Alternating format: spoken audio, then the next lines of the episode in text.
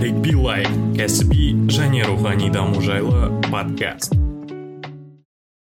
Сәлем құрметті достар бізде қонақта рахат жақсыбай аға тележүргізуші журналист ә, блогер этносхопта қазақстанда жүргізіп жүрген амбассадор десем болады. Қалай айтсам екен. Ә, рахат аға қош келдіңіз. Қалайсыз? Ассалаумағалейкум нәрікби қош келдік бағдарламаға. Бағдарламаны тыңдап жүретінмін. Енді бүгін міне өзіміз де қонақ болып келіп қалдық. Иә рахат аға сіз ә, енді мен байқасам сіздің көбіне ә, бәріміз журналист тележүргізуші деп танимыз. Расы керек. Сіз жалпы осы журналистика саласына осы осы салаға қалай келдіңіз деген сұрақ. Яғни бұл сіздің өзіңіздің жеке соны зерттеп келген жолыңыз ба немесе былай кейде болып жатады бір адамдар случайно дейді ғой түсіп кетеді деген секілді. Сізде қалай болды? Ә, енді оқушы кезімнен бастап сол қағаз қаламға газетке телевидениеге жақын болдым. Оның бір жарқын мысалы. Ә, төртінші бесінші сыныптан бастап ол кезде енді ұлан газетіне ә, мақала жазсаң немесе ұлан газетінің редакциясына хат келсе бір жақсы қуаныш болатын. Ә, оған қосымша сол өзім қызылордадан боламын. Сол аймақтағы өңірдегі жергілікті газеттерге. Ә, енді ол кезде бір толық бір мақала жазу деген жоқ дегенмен. Ә, копи паст қой сол басқа жерден жақсы бір материалды көріп соны ә, ғибратты әңгімелер деген сияқты немесе бір қызықты деректер деген сияқтыны тауып алып соны газеттерге ұсынып сол дүниелер шығатын. Ә, алтыншы сыныптан бастап жергілікті телеарнада ә, жаңағы сюжет жасау ә, бағдарламаның бағдарламаны жасауға қатысу деген сияқты. Ә, сондай бір тәжірибелер болды. Сол кішкентай күнімде ақ солай ойлайтынмын. Бірақ кейін енді ұлттық бірыңғай тестілеу бар ә, қоғамдық ә, жаңағы қалай айтсақ болады талап дейміз бе? Ата ананың өтініші жалпы жағдайға байланысты. Ә, қарайсың ғой енді қандай мамандық таңдаймын деп? Сол мектеп бітіретін тұста мемлекеттік басқару жаққа қарай барамыз ба мына? Осындай мамандық бар ғой мемлекеттік басқару деген ыыы экономиканы оқимыз ба маркетинг бола ма деген сияқты осындай жоспар болған кейін осы бірыңғай ұлттық тестілеу тапсырған кезде осы мамандықтарды жазып оған қосымша ыыы енді бір ұлттық бірыңғай тестілеу тапсырған кезде маман бірнеше мамандық таңдайсың ғой бірнеше университет бірнеше мамандық сол төрт мамандық кажется төрт мамандық сол төрт мамандықтың қатарына ыыы геодезия және картография деген мамандықты қосқанмын өйткені мен, менің тапсырған ә, пәнім ол география болатын. Ә, сосын бірыңғай тестілеу нәтижесінде бірінші қай мамандықты қойдың соған байланысты түсесің. Енді бәріне белгілі жайт қой. Соған сәйкес ә, маркетингке де түскенмін негізінде бірақ ә, бірінші кезекте тұрған геодезия картографияға ә, қабылданып негізі оқыған мамандығым сол география факультетінде болды. Ал әл фараби атындағы қазақ ұлттық университеті ыыы осылайша төрт жыл сол ыыы картография саласын оқып бітірдім. Ыыы бірақ айналып келген кезде сол студент кездің өзінде қайтадан алматыдағы хабардың филиалында алдымен штаттан тыс қызметкер болып ол тұста азамат дейтін бағдарлама болатын пікірсайыс бағдарламасы. Сол бағдарламада сол бағдарламаның жанында клуб болатын. Ол клуб алматы қаласының ә, пікірсайыспен айналысатын жастардың басы қосылған. Ыыы интеллектуалды сол өзара тақырыптар талқылайтын сондай бір орта болатын. Сол ортадан әрі қарай ә, хабарға телеарнаға бір жолым түсті. Осылайша 2007 жылдан бастап қой сол. Ә, телеарнаның ә, редакторлығы жүргізушілігі продюсерлігі басқа да басқа да қызметтерді ә, өткердім. Ал өз мамандығыңызбен бір күн болсын істеп көрдіңіз бе? Өз мамандығым бойынша география институтынан ә, тәжірибеден өткенім бар. Ә, бірақ ол бағыт бойынша жұмыс істеген жоқпын. Аха. Жалпы осы рахат мен мынандай сұрақ туып отыр да ә, бізде көп қой қазір мамандық мамандықпен жұмыс істемейтін жастар. Ә, сіз де сіз де солардың бірі болып тұрсыз ғой. Ә, жалпы өзіңіз ойлай қандай қалай ойлайсыз? Проблема неде? Неге жастар ондай болып көп, көп жағдайда осындай болып жатады? Адам өз оқыған өз оқыған мамандығына түспей жұмыс істемей жатады. Менің ойыма, ойымша бұл кішкене андай төрт жылың босқа кететін бір көрінеді да шынымен өз мамандығың болмаса. Енді мен ыыы оқыған тұста бізбен бірге қырық төрт студент оқыды иә осы казгу дің өзінде менің мамандығым бойынша. Қазір енді ондаған жыл өтті ғой. Сол қарап отырсақ негізгі басым бөлігі сол осы салада жұмыс істейді. Негізгі басым бөлігі осы салада жұмыс істейді. Басқа мамандықтарға қарағанда менің оқыған мына ә, пәнім дисциплинам көбінде ұм, жұмыс тұрғысынан бір тартымды десек бола ма әлде ә, бітірген мамандар сұранысқа ие және көп курстастарым достарым осы мамандық бойынша өзінің бір нәпақасын тауып жүр. Ә, енді бұл жерде бірнеше факторлар бар. Жаңа айтқан сияқты ә, енді ұлттық бірыңғай тестілеу тапсырған кезде тек қана өзіңнің қалаған мамандығың емес сонымен бірге мысалы грантқа ие болу ата ананың абыройын ақтау деген сияқты дүниелер болады. Және ә, енді сол система болғаннан кейін бірінші қайсысын қойдың соған түстің ғой. Яғни келесін таңдауға деген бір сондай ә, таңдау мүмкіндіктері болған жоқ та ол тұста. Ә, сондықтан осы мамандықты бітірдім. Жалпы енді мынандай қызық ситуация ғой. Бірінші мамандығым осы ғой. География факультеті. Екінші бакалаврым бар ол ыыы қазақ экономикалық университетінде. Қаржы мамандығы бойынша. Үшінші мамандығым ол болашақпен оқыған мамандығым ол жобаларды басқару менеджменті. Яғни үшеуі үш түрлі бірақ негізінде негізінде ә, журналистикада жұмыс істеймін. Немесе қазіргі сияқты менеджментте жұмыс істейін ыыы ешқайсысына бір өкініш жоқ осындай уақыт кетті деген себебі м геодезия картографияда ол бір инженерлік мамандық қой. Ол жердегі бір үйренген дүниелерім м алған білімім тиісті сол салаға қатысты болмағанмен бәрібір өзінің бір пайдасын тигізді себебі мына журналистикаға байланысты енді пікір бар ғой ол журналистиканы төрт жыл бойы оқу қажет емес ә, бәлкім бұны арнайы бір курстан өткеннен кейін ақ кез келген адам ә, осы журналистикада жұмыс істей алуы мүмкін деген сияқты. Енді ә, нәрікби арнайы осындай посткаст жасап жатса ол үшін төрт жыл оқудың қажеті жоқ. Ә, кейбір азаматтар ютубта арнайы канал ашып тура телевизиялық сияқты сюжет жасап ә, бағдарлама жасап жатса ол өзінің бір машығымен өзінің бір қабілетімен және белгілі бір дүниелерді тез меңгеріп алумен келіп жатыр да. Сондықтан жалпы енді европадағы ә, басқа да елдердегі мына тенденцияны қарасақ көбінде мамандану бар ғой. Журналистика болса мысалы жалпы емес белгілі бір медициналық журналистика спорт журналистикасы деген сияқты.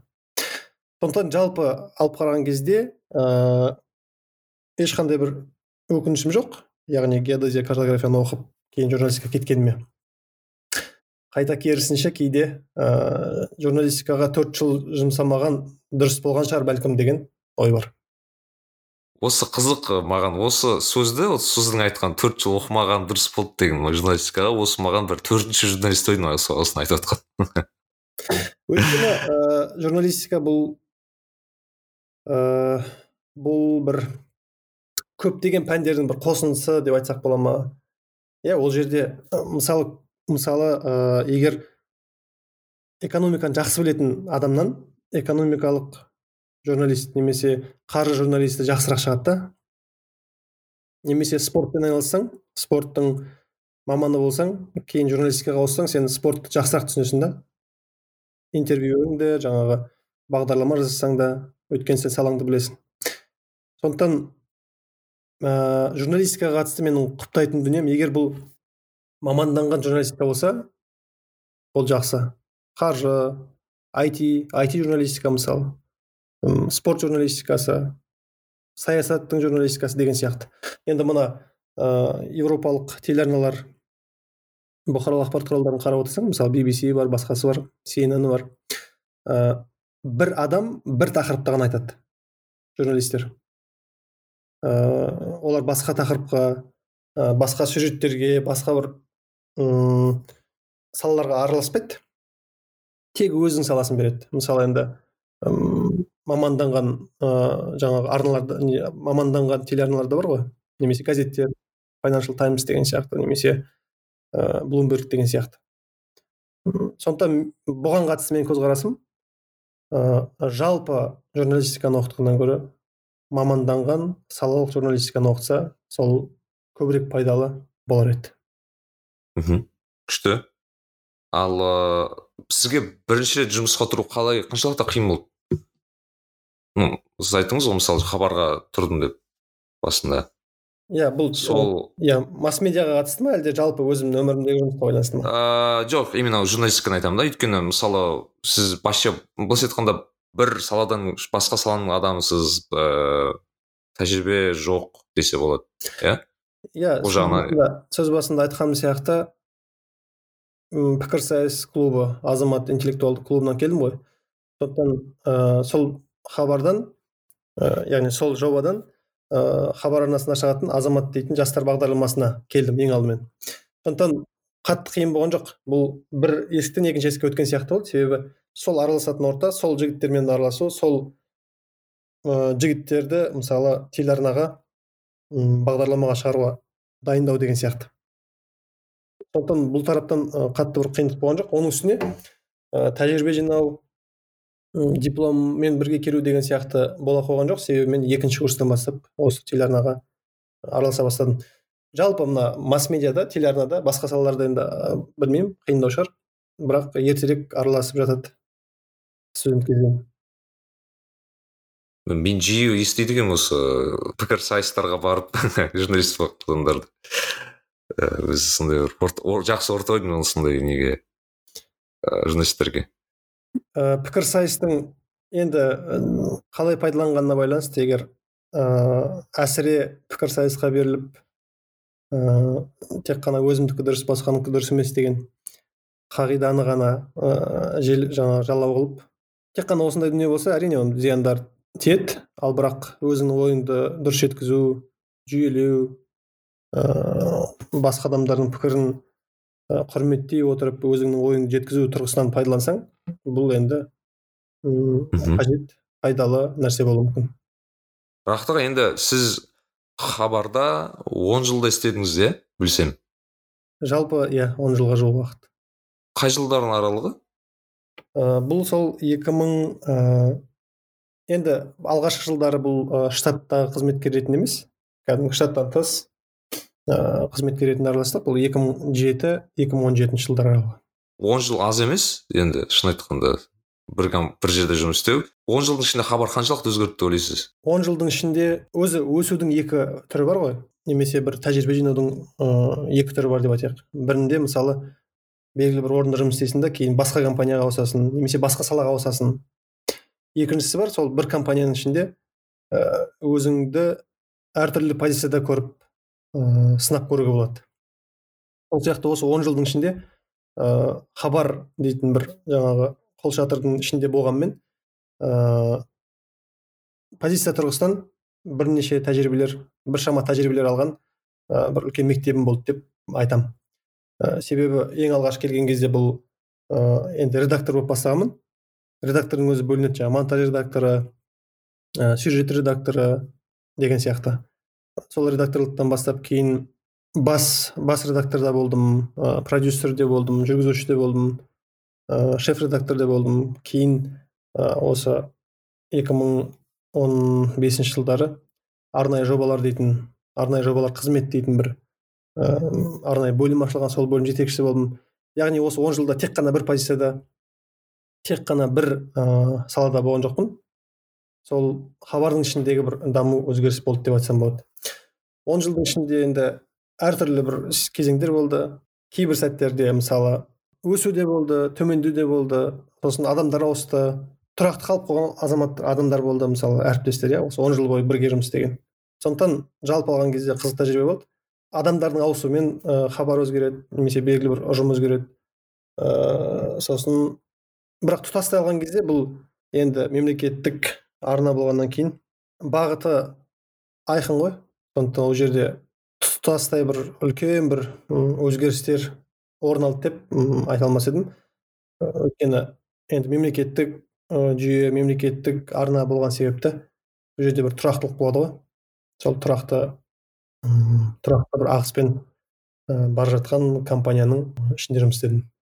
Мен жалпы көп байқадым да осы журналистерде әсіресе бір команда ауысса екі бүкіл журналистер ауысып кетеді деген секілді. Сондай бір, жиі байқаймын өйткені мысалы бір бастық келеді оны басқа басқа бастық келеді ә, нелер журналисттер басқаша ауысып кете ма білмеймін. Әйтеуір жиі естіп жатамын сол туралы рас па негізі. Сіз айтпақшы команда ауысуы. Бұндай дүниелер жалпы бар бірақ хабардағы бір ә, біз көп сөз қылатын біз айтатын дүние кадрларын өсіретін арна деп айтсам бұл енді бір мақтау да емес бір, бір жаңағы не емес. Расында да көптеген азаматтар көптеген осы қарапайым редакторлықтан бастаған қызметкерлер сол ә, хабардың өз шегінде белгілі бір қызметтерге көтерілді және бір адам келіп барлығын өзгертіп тастады деген ондай қатты бір дүние болған жоқ өзімнің жұмыс істеген уақытымда.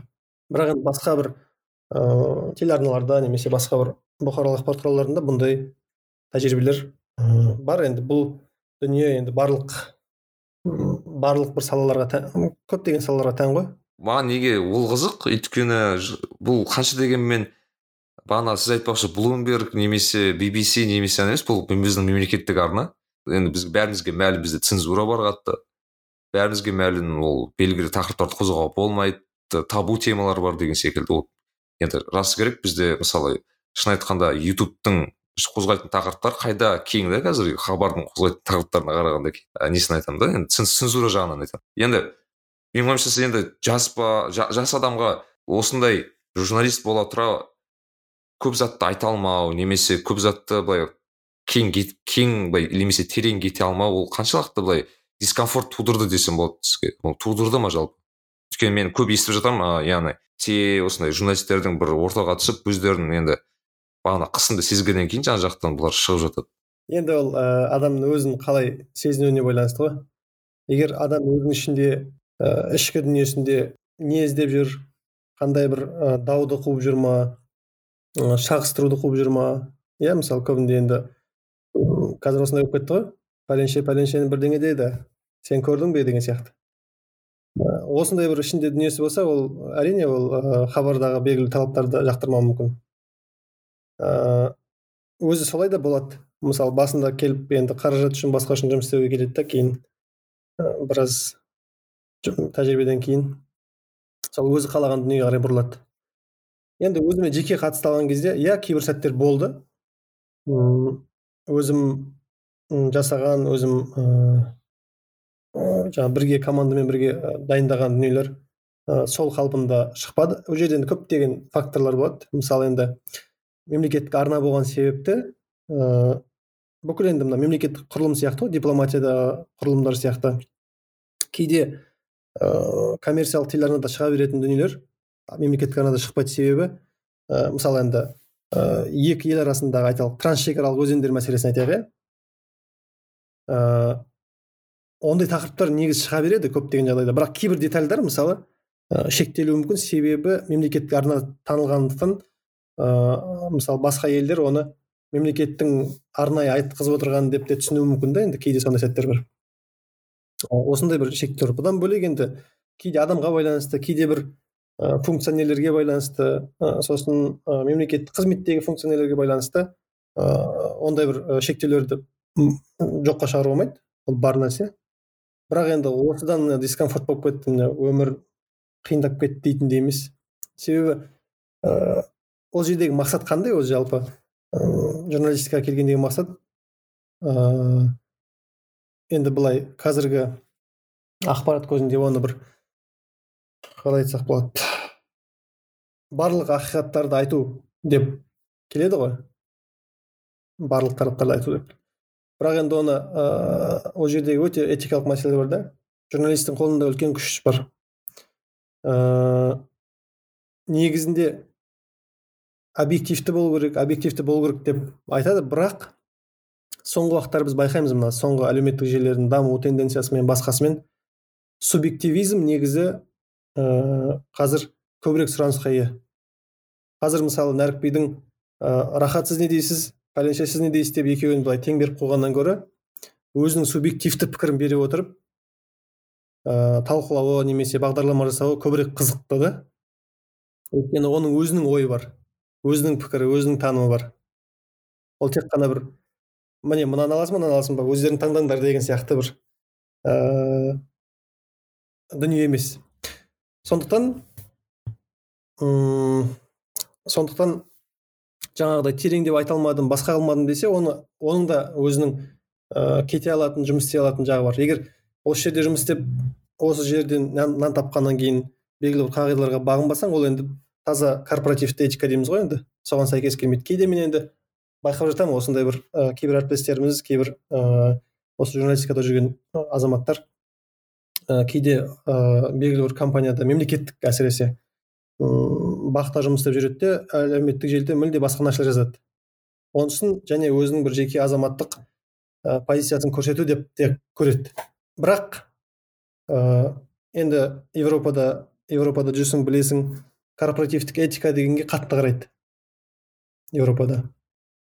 Мысалы ә, тіпті ұм, жай ғана твиттердің өзін жеке өзімнің твиттерім дегенмен ол жерде тікелей бір ә, сол өзі жасап жүрген өнімге қатысты ә, қайшы келетін пікірлерді келтірмейді неге жазбайды. Жұмыстан кетуі мүмкін тіпті ол үлкен мәселеге айналып кетуі мүмкін деген сияқты. Сондықтан ә, жаңа сұраққа оралатын болсақ маған бір дискомфорт болған сәттер бар бірақ ол ұзақ уақыттар емес былай бүкіл сәт емес. Сондықтан ә, әйтпесе мен бұл жерде бір жаңағыдай айтқан сияқты он жылдай жұмыс істемес едім. Иә бұл рас кейбір компаниялар ол контрактта жазады. Бағанағы корпоративный этикаға байланысты яғни кейбір мәселелерді қолға болмайды нда деген понятиялар бар ол жерде. Яғни кейбір заттар вообще мүлдем айтуға болмайды деген секілді. Иә рас. бұның цензурадан несі кем бұның цензурадан несі кем дегенде бұл енді таза сіздің жұмыс істейтін компанияға қатысты міне пікіріңіз ғой жалпы. Соған байланысты ғана жұмыс істейді ғой көбінесе. Просто менің ойымша хабарда ода қайда көп цензурада оған қарағанда. Сол жағын айтып тұрмын иә ол солай жалпы сырттан солай көрінеді. Әйтпесе мысалға ә, мен өзім айтқым келген тақырыптардың біразын да көтергенмін ә, бірақ енді қазіргі сұраныс өте өзгеріп кеткен ғой. Қазір міндетті түрде айқайлатып айту керек па әлде мемлекеттік органды барынша сынау керек па деген сияқты бір қағидалар көбірек алдыға шығып кетті ғой. Әйтпесе әйтпесе мысалы сол талқыланған мәселелер ә, хабарда да шығып жатады мен хабар дегенде тек хабарға тіреліп тұрған жоқпыз жалпы мемлекеттік арналарда шығып жатады. Әрине кейде ә, дәл бір ютубтағы жаңа айтқан сияқты қалай айтсақ болады тартымды немесе ұм, сұрақты төтесін, төтесінен қоймауы мүмкін. Бірақ мүлде бір ә, барлық ешқандай тақырып шығып жатқан жоқ дегенде жағдай жоқ та. Ә, дегенмен иә оны ешкімнен жасырмайсыз белгілі бір қағидалар бар бірақ та мынандай енді білесіз ғой интернетте бізде қазір мем деген зат бар мемдер өте көп. Мхм. Сол хабарға байланысты мем бар да мынандай орысша былай айтады если все плохо включай хабар там все хорошо дейді да бәрі айтатын яғни сондай бір халық арасында не күлкі әзілге арнап кеткен яғни сен бір білмеймін бір жаман бір кезеңнен өткізіп жатсаң хабарда всегда жақсы болады или там мынандай сөз бар ә, я хочу жить в стране которая показывает хабары деген сияқты сондай сөздер бар да мхм ә, деген секілді жалпы өзі бағанағы позитивизм дейді ғой? Мхм позитивизм деген осы. Яғни хабар кішкене осы бағанағы позитивті жақтарын көрсетуге тырысады. Яғни қандай жағда білмеймін есімде өте күлкілі жағдай болады. Мысалы өзіме ә, бір девальвация кезінде хабарды қосқам девальвация сол екі есе девальвация болған кезде жүз сексеннен үш жүз елуге ма ауысқан кезде бір хабарда бір ата тұрып короче сол девальвация мақтап отқанын көрдім да мен. Аха. Жақсы болды бізге осы экономикамыз өседі деген сияқты. Мен ана күлгенім бар енді рас енді ана күлкілі көрінеді да сол кезде ойлаймын да бір жалпы сол кезде сұрақ қоятын да өзіме мынау хабардың журналистер қалай келеді деймін да осындайға яғни оларды үстінен айта ма тек жақсыны айтыңдар немесе анау енді білмеймін кішкене объективті неден алыстау көрінді да сол кезде сондай сондай кейде уақыттарда. Сондай запрос бар ма жалпы? Басшылықтан немесе білмеймін басқа жағынан? Осындай жалпы мемлекеттік қызметте ә, мемлекеттік арналарды айтамын да өйткені яғни өйткені ол тек хабарға байланысты емес. Білмеймін мысалы ктк да тек көбіне ктк ны қосса наоборот өмір сүрмей өмір сүргім келмей жатады ондай мемлекеттерде мысалы. өмір сүргің келмей ма? Иә ондай оны көрсе наоборот хабарға қашқың келеді да. Сондай бір нонсенс да енді екі как будто андай бір несі тендер сияқты көрінеді да маған яғни хабар тек сол жақсы хабарларды көрсетеді ктк тек жамандарды көрсетеді ал отыр соның арасында таңдап деген секілді. Сондай бір запрос бар ма жалпы арналардың өзінде? Жаңа өзің айтқан сияқты мм ктк ны көрсең өмір сүргің келмей қалады хабарды көрсең өмір сүргің келеді деген сияқты сол енді салыстырмалы тұр ғой. Мен бұған сәл басқаша келгім келіп тұр. Өзі ана ә, сократтың сұрақ үш сұрақ қойды дейтіні бар ғой ақпаратқа байланысты. Жаңа ол маған қатысты ма ыыы маған пайдалы пайда бар ма менің сосын көңілімді көтере ма яғни ыыы позитив па деген сияқты. Жалпы мағынасы осындай ғой. Егер ондай болмаса мен ол ақпаратты тыңдамаймын деген сияқты. Енді осы сәтте енді әлеуметтік желінің дамуымен біз жан жағымыздың бәрі негатив болып кетті да қазір. Енді өте көп информация аламыз. Ә, көп адамдар осы негативтің бір айналасынан шыға алмай қалған. Сондықтан не қабылдап жатыр соны қабылдай бергісі келетін жағдай бар. Сосын енді ә, әлеуметтік желі басқасы бар солардың алгоритмі де солай болып кетті. Бір нәрсе не көрсең айналдырып соны алып келе береді. Жаңағы бокс көрсең боксты көресің келесі күні не лентаңа шығып тұрған. Басқа болса басқасын көресің деген сияқты. Енді ә, жаңағы айтқан сияқты мысалдар болу мүмкін. Оның ә, оның да себептері әртүрлі. Кейде тапсырмалармен немесе бір ә, енді тапсырмада міндетті түрде сөйтіп айт деген келмейді ғой енді бірақ соны жеткізуде ә, тәсілде уақыттың кемшін түсуіне байланысты әртүрлі фактор бар ғой. Адами фактор бар басқасы бар. Сондықтан жалпы мемлекеттік енді саясат жаңағы мемлекеттік ақпараттық саясат жасалған кезде айтылады ғой енді мысалы патриотизм патриотизмді патриотизмді насихаттау немесе елдің жаңағы жасап жатқан жұмыстарын көрсету экономикаға байланысты басқа байланысты. Осы екпінмен кетіп қалған кезде енді кейде болады ондай нәрселер. Тым артық кеткен кездер ма солай десек те болады. Сіздің ойыңыз жалпы ктк да ктк да сондай ма? Қалай ойлайсыз? Мен ішкі кухнясын білмеймін ғой әрине бірақ. Иә мен де оның ішкі дүниесін білмеймін бірақ енді оның әсері қалай? Жалпы м одан кейінгі әсері қалай болады? Сол жерден естіп алған әңгімелер кейін ә, дастархан үстінде айтылады басқа болады. Негатив негатив әрі қарай негативпен жалғасып тарай береді да. Енді ол редакциялық саясатын білмеймін бірақ ә, кейде рейтинг үшін басқа үшін осындай бір м осындай жолдарды таңдайтын компаниялар да бар. Хайп жолын таңдайды деген секілді ма? Бұл енді бірақ жалпы халыққа ә, өтеді өте береді өйткені біздің ә, жеке бір сұраныстарымыз сондай ғой біз анандай ә, мына жерде екі миллиард теңге ақша бөлініп жол салыныпты десе оны қалыпты көреміз да мына жерде екі миллиард теңге ақша бөлініп жүз мың теңгесін таппай жатырмыз десе барлығымыз мынау жақта жүз мың теңге істеп солай іздейміз ғой енді ол енді адам табиғатынан сондай осы бір ә, адам табиғатын болмысын пайдаланатын бір ақпараттық ілгек қой енді. Ұшақтың құлағаны ә, пәленшенің ә, сотты болғаны түгеншенің тағы дүние бір нәрсе болған. Бірақ енді ұм, біз жалпы кез келген нәрсеге қандай бір көзқараспен қараймыз қандай бір ә, позиция тұрғысынан қараймыз иә? Вью point дейміз ба иә? Сол өте маңызды ғой. Егер сен тек қана оны бір жұмыс ретінде қарап жасай берсең мен таза мына журналисттің жасап жатқан адамның несіне қарап жатырмын да? Сол сюжетті басқаны иә ол жұмыс жағынан істеп жүре бересің айлығыңды алып. бірақ енді сәл үлкенірек сәл биігірек қараған кезде кейін мысалы өзің ұл қызың өседі ыыы тек қана сондай ақпарат бере берген әке шеше боласың ба? Ыыы мен андай компания тұрғысынан айтып тұрған жоқпын жеке жеке жаңағы журналист немесе жеке редактор тұрғысынан. Немесе ыыы жалпы бәле іздеп бір жамандықтың артын қуалап ыыы соның түбіне түсу де жақсы нәрсе емес қой енді. Шариғат тұрғысынан да қазақылық тұрғысынан да тек қана теріс ақпарат беру. Енді жаңағыдай әсіре сілтеуге де болмайды. Бәрі бізде керемет бізде бәрі тамаша емес. Соның ортасы керек қой негізі бізге. Нарик билай. Сіз ә, осы екі мың жеті он жеті осы он жылдың ішінде жұмыс істедіңіз. Бірақ есімде болса екі мың он бес пе еді? Қай жылдар осы неге англияға оқуға кеттіңіз иә? Ыыы иә екі мың он бесінші жылы. Ал бұл ы, болашақ болды иә есімде осы бұл болашақ бағдарламасымен ыыы алдымен енді ол талаптар биылдан бастап жоқ қой. Тіл курсын оқыдық кейін магистратураны оқыдық. Жа- жалпы өзіңіз неге болашақпен оқуға бел будыңыз?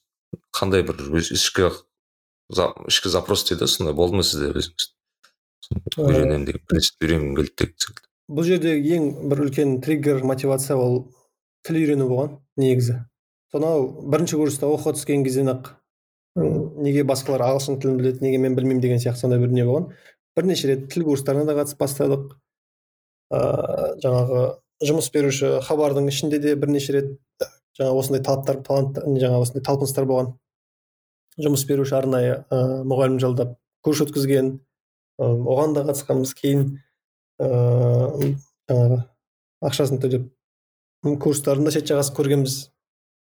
Ә, солар нәтиже бере қойған жоқ. Кейін мына 2014 жылы болашақ бағдарламасына бір өзгерістер болды ғой. Мен масс медианың қызметкерлеріне бұқаралық ақпарат құралдарының қызметкерлеріне арнайы бір квоталар бөлінді. Квота дегенде жеңілдік қой.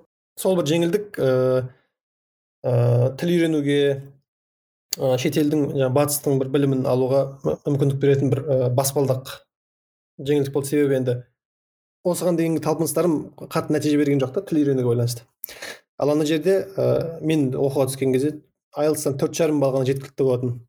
Әрі қарай жаңағы енді тесттер бар басқасы бар ғой бірақ сол төрт жарым баллмен әрі қарай өтіп кетесің. А, кішкене талаптарды азайтты десе болады иә? Иә сол кезде осы осындай бір талап болды жеңілдік болды. Сол жеңілдікті пайдалану жолында болашақтың түлегі стипендиаты атандым мен сіздің ә, оқыған университеттеріңіздің списогін қарап шықтым. Ол так есімде болса кардиф университи мхм. кейін UCL яғни ә, University College ә, Лондон иә? Кейін Ньюкасл университи мхм үш универді көрдім енді бұл жерде кардиф пен ньюкасл тіл курсы алты ай алты айдан professional курс десек те болады бір жағынан тіл үйренудің курсы десек болады ыыы сосын лондондағы университетте ол магистратура болды енді сіз project management үйрендім дедіңіз иә мхм неге именно project management неге сол сол сол бағыт қызық болды оның ә, бірінші себебі бұл ә, жаңағы мен айтқан ә, масс медиаға бөлінген квотамен байланысты болды. Ә, өйткені талап бойынша былай болатын. Өзіңнің оқыған мамандығың ә, және жұмыс істеп жатқан жұмыс орның ә, осы екеуін ұштастырып келген кезде болашақтың тізімі бойынша өзі көп мамандыққа түсе алмайсың. Ә, таңдау бір үш төрт мамандыққа келді. Жоқ әрине тек қана жобаларды басқару емес ішінде көп көп бар ана IT менеджмент деген бар басқа бар басқа бар басқа бар. ыыы жаңағы HR бар human resource. М бірақ тұтасталған кезде осы менеджмент жобалар менеджменті м HR менеджмент IT менеджмент деген сияқты осы төңіректе болды. Соның ішінде м өйткені жаңа айттым ғой бірінші екінші жаңа мамандығым қаржы болды ғой. Сол қаржы сосын жұмыс істеп жатқан сол сол тұста менің жаңа жұмысым ыыы жобаларды басқару арнайы жобалар қызметі болатын. Сол екеуінің ұштасқан тұсы осы жоба менеджменті болды. Енді былайша айтқан кезде жасап жатқан жұмысыммен м қатысты болғаннан кейін осы мамандықты таңдадым. Болашақта оқып жүрген қазақтар көп әсіресе англияда. Мхм. Білмеймін англия деген өзі бір өте сондай бір айтады ә, европадағы европа енді англияны қазір европа деп санауға болмайтын шығар уже. Бірақ ә, осы осы батыс елдерінен ә, англияда енді топ үштікке кіреді енді точно не жағынан қазақтардың саны жағынан. Болашақ бойынша бірінші орында. Сіз ә, үш жыл өмір сүрдіңіз иә? Англияда бастан аяқ толығымен. Енді арасында үзілістер болды қайтып келдім ыыы қайтадан бардым. Иә ә, үш жыл енді өзіңіз айта аласыз ба? Үш жылдың ішінде англиядағы өмірді былай түсіне алдым немесе сезе алдым деген секілді еуропадағы өмірді әрине енді м, екі күнге бір аптаға екі аптаға туристік саяхатпен саяхатпен барғаннан гөрі көбірек араласасың көбірек көресің және негізгі ыыы қатпарлары біраз уақыттан кейін белгілі болады ғой. Өз базарына барғаннан кейін адамдармен араласқаннан кейін жаңағы асханасын көргеннен кейін басқа болғаннан кейін деген сияқты. Өйткені адам өзі турист болып барған кезде өзі жақсы жерлерін көремін деп барады ғой. Оның үстіне ә, тізімін жасайды маршрутын құрады жаңағы театрға барады ана жерге барады мына жерге барады. Жаңағы қонақжай тұстарын көремін деген сияқты. Сондықтан ол барлық бір табиғатын барлық сол халықтың немесе сол жаңағы барған қаласының тыныс тіршілігімен толық таныса ала- алады деп айта алмаймын. Оның үстіне енді алғашқы сезіну алғашқы көрініс ол міндетті түрде ыыы таңғалдырарлық болуы мүмкін. Әйтпесе қызықты болады. Саған жаңа бір ыыы экспириенс болғаннан кейін әсер етеді ғой енді өзің. О мынау жақсы мынау күшті екен деген сияқты. Мына жерден үйренуге болады екен деген сияқты. Сол енді ұзағырақ тұрғаннан кейін ары қарай мектебін көресің балаң мектепке барады балабақшасын көресің ол жерде қарым қатынасты көресің үйренетін тұстарын үйренесің көресің жаңағы өзіңе қабылдайсың. Ә, кейбір тұстарын қабылдай да алмайсың. Сондықтан енді үш жыл ыыы аз уақыт емес мен е, тікелей былай жалпы айтқан кезде тура үш жыл бола қойған жоқ. Үш жылға жете қалу М, енді уэльсті де көрдім жаңағы кардифті айтатынбыз ғой мына ыыы солтүстіктегі ньюкаслды да көрдік. Ы, лондондағы өмір аймақтарға қарағанда басқаша. Енді ол жерде халық та көп мультинационал. Сондықтан европалықтардан ыыы еуропа дегенде енді англия британия британия британиялықтардың тыныс тіршілігін біршама тамыдым та- таныдым енді ы, ол адамнан да байланысты ғой кейбір азамат кейбір адамдар мысалы бір ай жүріп те ұңғыл шұңғылына кіріп танысуы мүмкін. Көбінде енді алғашқы жылдары академиялық ортада ғана болдық қой себебі енді тіл үйрену керек болды басқа болу керек болды. Кейін осы лондонның ыыы және оқудың соңына қарай біраз қалаларын аралап көрдік негізгі енді тыныс тіршілігімен танысамын деген адам кәдімгі тек қана жаңа қонақжай тұстарын емес басқа жақтарын да көру керек кейде енді біраз нәрсесін үйренбеген де көрмеген де шығармыз бірақ жалпы түсінік бар енді британия туралы айтуға болады енді мен бұған байланысты бірнеше сұрақым бар ыыы ағылшын тілін бірінші үйрендім дедіңіз иә бағана сол кардифта кейін ньюкаслда енді сіз қазақстанда да курсқа қатысқан шығарсыз иә мхм қалай өзіңіз де айттыңыз жалпы ыыы, білмеймін бір сезім болды ма? Мына мыналар осылай үйрену керек екен ғой ағылшынға осындай орта керек екен ғой деген секілді енді айырмашылықты қаншалықты байқай алдыңыз? Болды ғой енді айырмашылық бірақ қаншалықты үлкен болды тіл үйренуде? Иә осы болашаққа түсетіннің алдында жаңа айттым ғой хабар ы, жетті осындай жеңілдік бар деп. Содан кейін бірінші қазақстаннан қайтадан бастадым мен. Ыыы қазақстандағы тіл үйренудегі ыыы менің осы ұсына, ұсынатын біл- білмеймін енді өзімнің көрген өте ыыы тиімді болды сол тұста ол мен екі ай бойы үздіксіз оқыдым екі ай кәдімгі бес күн бойы сабағымыз бар сенбі күні басқа бір кісі келіп сабақ береді жексенбі күні өзім оқимын осылай екі ай бойы үздіксіз оқыдым ондағы мақсат маған негізі айлтстан бес алу керек болды ол енді үлкен бір деңгей өте бір үлкен деңгей емес қой иә ыыы дегенмен ыыы енді нөл демей ақ қояйық енді бірден бастап жоғарыға көтерілу үшін ыыы екіден үштен жоғары көтерілу үшін осындай бір осындай бір та- тәсілді пайдаландым өзіме екі ай бойы үздіксіз жаңағы сабақтан оқимыз екі сағат үйге келіп өзім бір жарым сағат уақыт арнаймын Ә, сенбі күні басқа мұғалім келеді ол кісімен де бір, бір сағат екі сағат отырамыз жексенбі күні толық өзім оқимын ә, сол нәтижесін беріп жаңағы тиісті тиісті балын алдым иә қажетті. Ең жаңағы қажетті ол минимум. М кейін арада біраз уақыт үз- үзіліс болып қалды да неге бардым? Жаңағы ньюкаслда оқуға бардым. Ә, негізі осы тіл үйренемін деген және шетелде әрі қарай оқимын деген м тыңдаушылар болса қазақстанда үйренуге кеңес беремін. Қазақстанда бастау керек қазақстанда барынша көтеру керек деңгейді кейін ана ортаға түскен кезде ол өзінің жаңағы ә, эффектісін жақсырақ береді. Қай деңгеймен бардың? Соғұрлым жоғары болған сайын жоғарырақ эффект аласың. Өйткені м, жаңағы аз аз деңгеймен барсаң біраз күшің сол аз деңгейді көтеруге кетіп қалады да. Ол жерде Иә. енді оқудың бағасы да оқудың жаңағы жұмсалатын шығын да көбірек болады ғой. Сондықтан ә, бірінші кеңесім бұл қазақстанда өзің білетін тілмен қазақшасы болсын орысшасы болсын. Сонымен үйреніп алу керек та. Барынша ә, көтеріп алу керек. Сосын барып тәжірибе үшін ә, спикинг үшін басқа үшін сол ортаға түсу керек деп ойлаймын. Ал енді үйрене тұрсаң бұны мойындау керек. Бұл бәрі де өздері айтады. Бұл ә, білім ә, англияда еуропаның көптеген елдерінде бұл тек қана білім емес бұл ұм, бұл бизнес. Бизнес болғандықтан оны маркетинг қосылған оның жанына. Қызықтырады ыыы тартады басқа қылады. Кейбір пәндері кейбір өту тәсілдері ұнаған жоқ.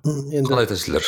мысалы енді біз алғаш оқыған жаңағы қаладағы университетте түске дейін ғана оқитынбыз да біз үйреніп қалғанбыз ғой. Ақыры келгеннен кейін бұл үш ақ сағат оқу болмау керек түстен кейін де тапсырма беру керек неге өте аз деген сияқты. Ы, кейін кардифке ауысқан кезде ол жақтың тәсілі өте ұнады. Ол жақта сабағымыз көбірек болды. Ыыы сосын тек қана бір тек қана айлспен ғана байланған жоқпыз. Мысалы хат жазу ыыы ресми хат жазу басқа да басқа да бір. Ыыы кейін өмірге қажетті болатын дүниелер үйрендік. Енді ы, сол сәттегі көңіл күйлер ғой бұл. Кейін қарап отырсам міне осы біраз уақыт өткеннен кейін. Біз ньюкасл деген қалада өткен кезде олардың ыыы ориентирі сабақ өту тәсілі көбінде мына пресешнл дейміз ғой. Тікелей академиялық оқуға дайындайтын бағытта екен да ол тілге емес көбінде академиялық оқу тәсілі біз ана тура ортасына түспей қалғанбыз ғой. Сәл ыыы тілді көбірек меңгеріп жеткізіп барып жетсең ы оның пайдасы тиеді. Ал басындағы ыыы ортасында енді былайша айтқан кезде бос кеңістік қалып кетсе пайдасы болмай қалады. Ыыы сосын жаңағы енді бірінші нәрсе ол жаңағы уақытқа байланысты. Біз енді көбірек уақыт бөлінгенін қалаймыз ғой. Сол сол нәрсе көп уақыт болған жоқ. М, сосын жаңағы мұғалімдермен коммуникация. Мысалы мысалы кардифте оқыған кезде былай болатын. Бір эссе бір немесе мәтін жазасың.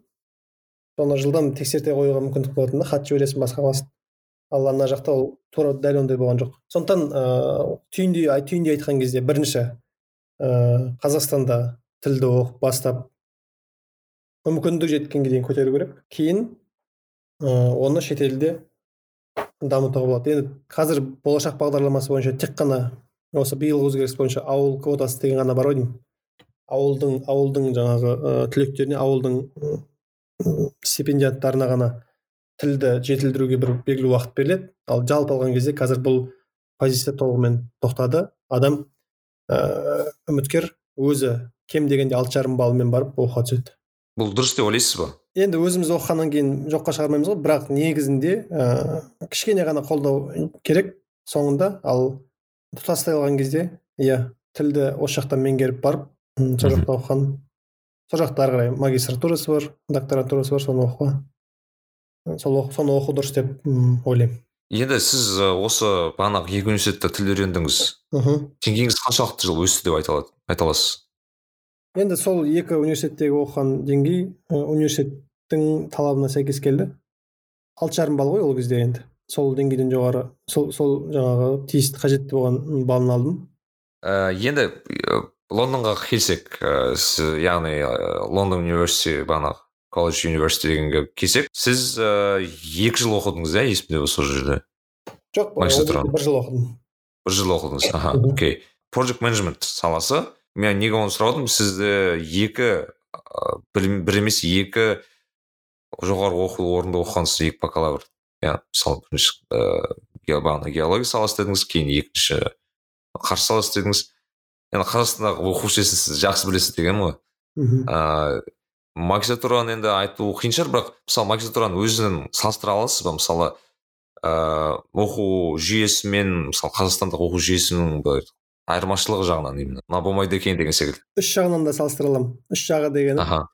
Ыыы енді қазақстанның өзінде айтады ғой мына қазақ қазақша оқыған кезде басқаша орысша оқыған кезде басқаша деген сияқты. Алғашқы оқығаным бакалаврым қазақша болды екіншісі орысша болды. Мына ағылшын енді неде британиядағы ағылшын тілінде. Қазақстанда қазақша болсын орысша болсын оқу жүйесін енді ыыы көп нәрсені дамыту көп нәрсені жолға қою қажеттілігі бар. Британиялық білім жүйесін үйренген көрген дүниеміз біріншісі ол қарым қатынас университеттің студентке қарым қатынасы мұғалімнің қарым қатынасы университеттегі қызметтердің қарым қатынасы әртүрлі. Жаңағы студенттерді қолдау қызметі кітапхана қызметі басқа да басқа да.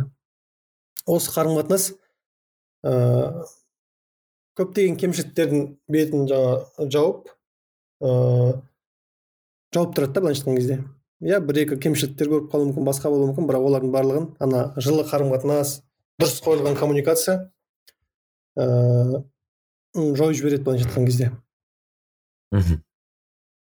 Сосын университеттер ыыы енді жаңа айттық қой бизнес бизнес тұрғысынан да ыыы қарайтын жасырын емес.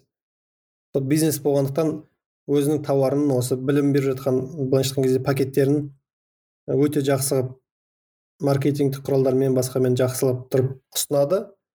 Және ұсынып қана қоймай оны сатып алғаннан кейін жақсылап та бере алады. Мысалы кітапханалар жүйесі.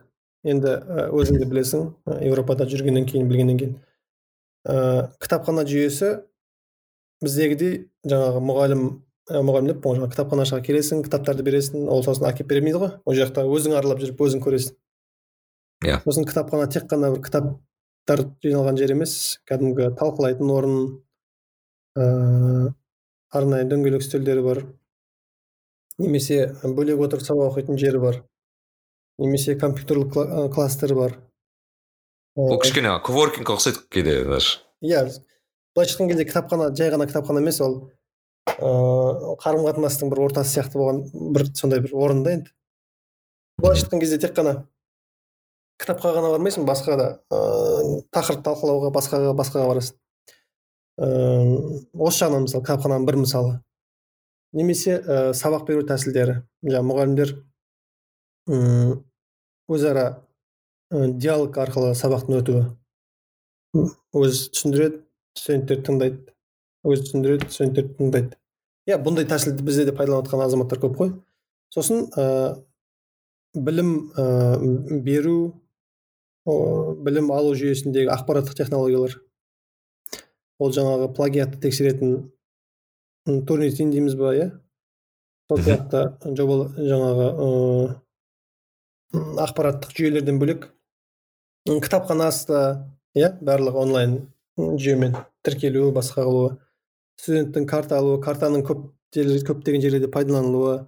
Иә бұл ә, системалардың барлығы бізге келіп жатыр ғой жүйелердің барлығы университетте бар. Ыыы сосын маған ұнайтын дүниесі бір дүние бұл жаңағы жазған дүниең курстық жұмыс дейміз ба эссе дейміз ба? Солардың ыыы сол студенттің өзінен шығуына жаңағы соған қысқасы келтіріп қойған.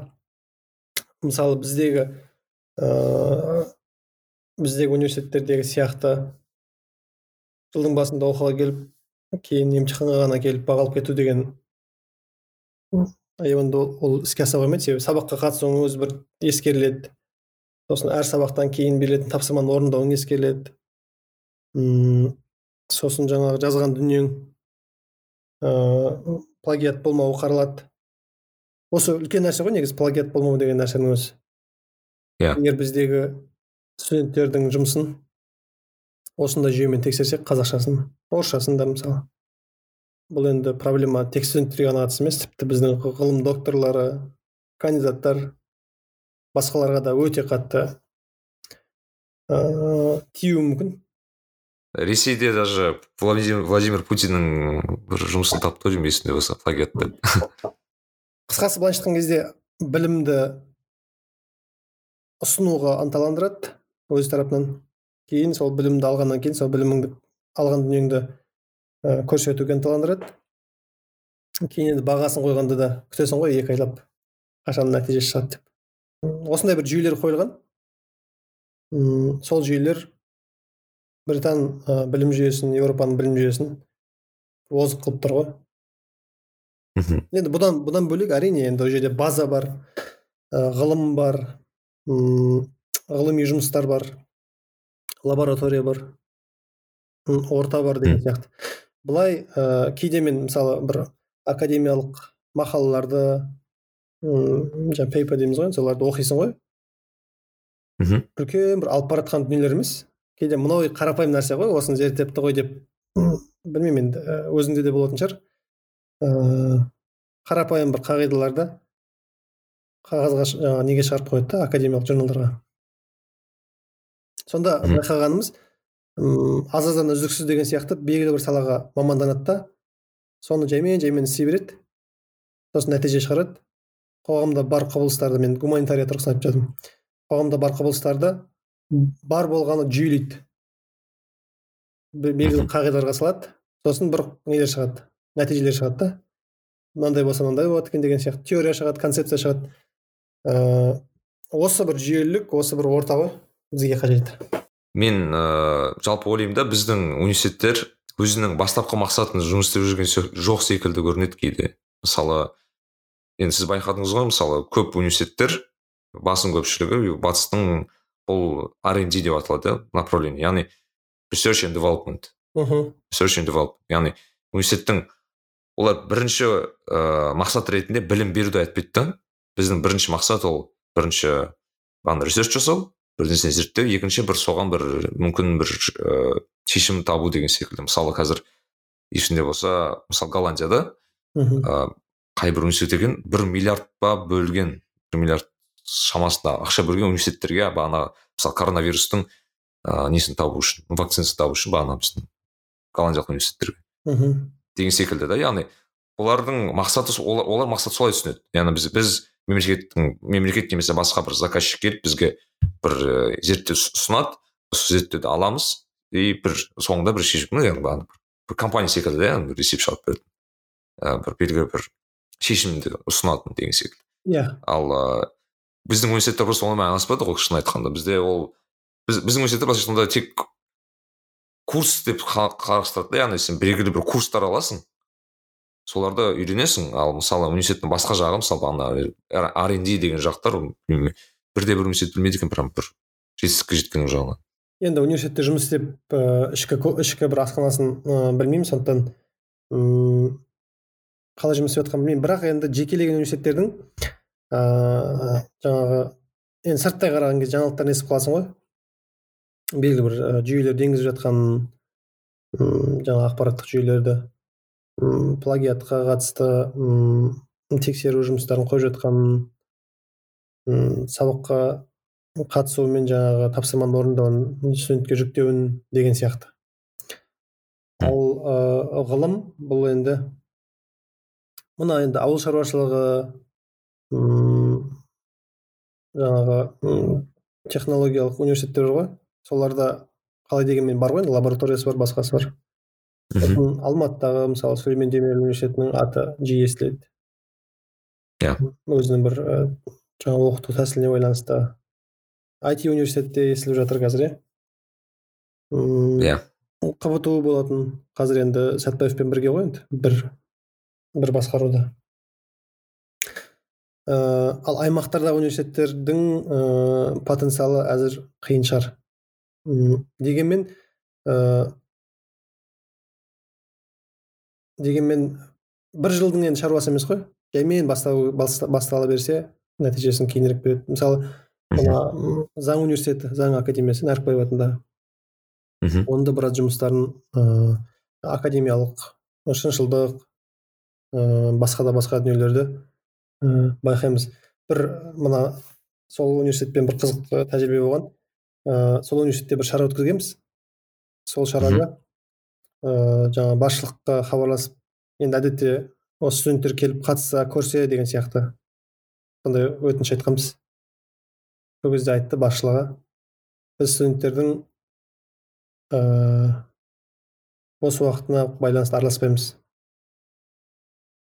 Егер ыыы өздері қаласа жарнама іліп өздері келсін қатыссын бірақ тікелей міне барыңыздар деп айта алмаймыз дейді бұл енді үлкен ыыы бір жағынан қызық бір жағынан ыыы мүлде басқаша көзқарас та. Өйткені енді басқа университеттерде өзіміз де білеміз енді уақытында. Шара өткізесің шараға қатысасың шара өткізеді барасың жинап алады ғой енді студенттерді. Осы тұрғысынан енді жаймен жаймен алға жылжитын шығармыз. Сіз англияда мысалы сіз ойлан ой, сондай бір ойлар келді мысалы сіз бағанағы ньюкасл университи кардиф дедіңіз. Көптеген лидс деген университеттер бар мысалы. Көп ә, университеттер бір ірі қалаларда емес байқасаңыз. Бір, кішігірім кейбір кезде даже ауылға ұқсас бір жерлерде орналасқан да. Мысалы голландияда ә, вахинген деген бір университет бар тоже. Мысалы біз әлемдегі ауыл шаруашылығын бірінші номер алады да. Мхм. Бірінші орындарды алып жүреді бірақ ол бір шын айтқанда бір ауыл жақта орналасқан бір сондай бір сол ауыл тектес бір жерде орналасқан да. Яғни ә, маған сол жағы ұнайтыны бұлардың солай бір ауыл, ауыл жаққа ығыстырып бағанағы мықты университет топ университеттер сол жаққа ауыстырып және сол жердегі соның арқасында ол жерде белгілі бір ә, атмосфера орта пайда болады деп ойлайды да. Мысалы сол сол ауылға байланысты немесе енді ойлаңыз мысалы теоретически айтайық иә, мысалы білмеймін бір ыыы шардарада мысалы бір университет ашылды деп ойлайық иә қазақстанда. Мысалы сол бір университет әлемдегі бір топ бір білмеймін бір топ бір ондыққа кіреді деп айтсақ мысалы да енді сондай елестетсек. Ол сол шардарада ә, бағанағы ыыы орта пайда болады ғой интеллектуалды интеллектуалды. Сол шардарда өмір сүреді деген секілді олар енді. Бүгін кейін олар жергілікті халықпен араласады. Жергілікті халық ол балаларды сондай бір интеллектуалды мықты балалар көргеннен кейін оларда кішкене бір сана деңгейі ой өрісі өсе бастайды деген сияқты. Енді саған сондай не теория бар да менде яғни сол сол сол жағынан да ойлану керек секілді яғни сіз ыыы біздегі мысалы топ университеттердің бәрі тек бір қалада шоғырланған ғой. Енді шын айтқанда бізде алматы астана мхм. бізде секілді аудандарда аудандарда бар еді ғой университеттер кейін олар талапқа сәйкес ма жабылып қалды ма? Сондай бір ситуациялар болды ғой. Мгм. ыыы иә бұндай тәжірибе бар. Бүкіл ыыы англияда мына оқып жатқан кезде мен оқып жатқан кезде ыыы курстастарым жаңағы картография саласы бойынша келген. Тәжірибе алмасуға бір магистратураның программасы бойынша сол кезде. Уэльстің ана алыс жеріндегі алыс бір түкпіріндегі ауданда емес ауданның орталығы да емес дейді да сол ауыл. Сол жерге бардық дейді. Бірақ сол ыыы университет ыыы менің айналысатын тақырыбым бойынша сол біздің сала бойынша әлемдегі үздіктерге кіреді. Сол себепті осы жерге жіберіп отыр дейді да ол. Сосын бір енді қызықты не бар ғой рейтинг дейміз жаңағы салыстырған кезде. Университеттің өзін салыстырады сосын жаңағы факультет салыстырады одан кейін департамент салыстырады сосын мамандықтар салыстырады ғой. Біз енді оқуға түскен кезде көбінде тек қана бір қағида қараймыз ғой. Мынау казгу ма нархоз ба ә, сүлеймен демирел ма деген сияқты. Ішіндегі факультеті одан кейін мамандығы бәлкім профессор деген сияқты тереңдей қоймаймыз ғой енді. Ә, баға берген кезде де ой казгу деген жақсы ғой алматыда. Сду деген жақсы ғой ар жақта. Жаңағы тыныш жерде кампусы бар деген сияқты. Тек университетке ғана баға беріледі да ал ыыы еуропалық бағалауда тек қана университет емес жаңағы ішкі ре- рейтингтер көп нәрсені шешеді. Сондықтан да жаңағыдай осы жақтан оқуға жіберіп жатыр магистратураның бағдарламасы аясында. Сонда анау түкпірдегі түкпірдегі бір университетке жіберіп жатыр. Өзі шап шағын м, кішкентай ғана университет. Бірақ сол тікелей сол тақырыпқа байланысты әлемдегі оз топ жаңағы ондыққа кіретін оқу орны екен. Ыыы сондықтан енді мынандай ыыы мысалы кембридж оксфордтың өзінде де солай ғой. Бір аймақ бір қалашық сияқты. Мхм.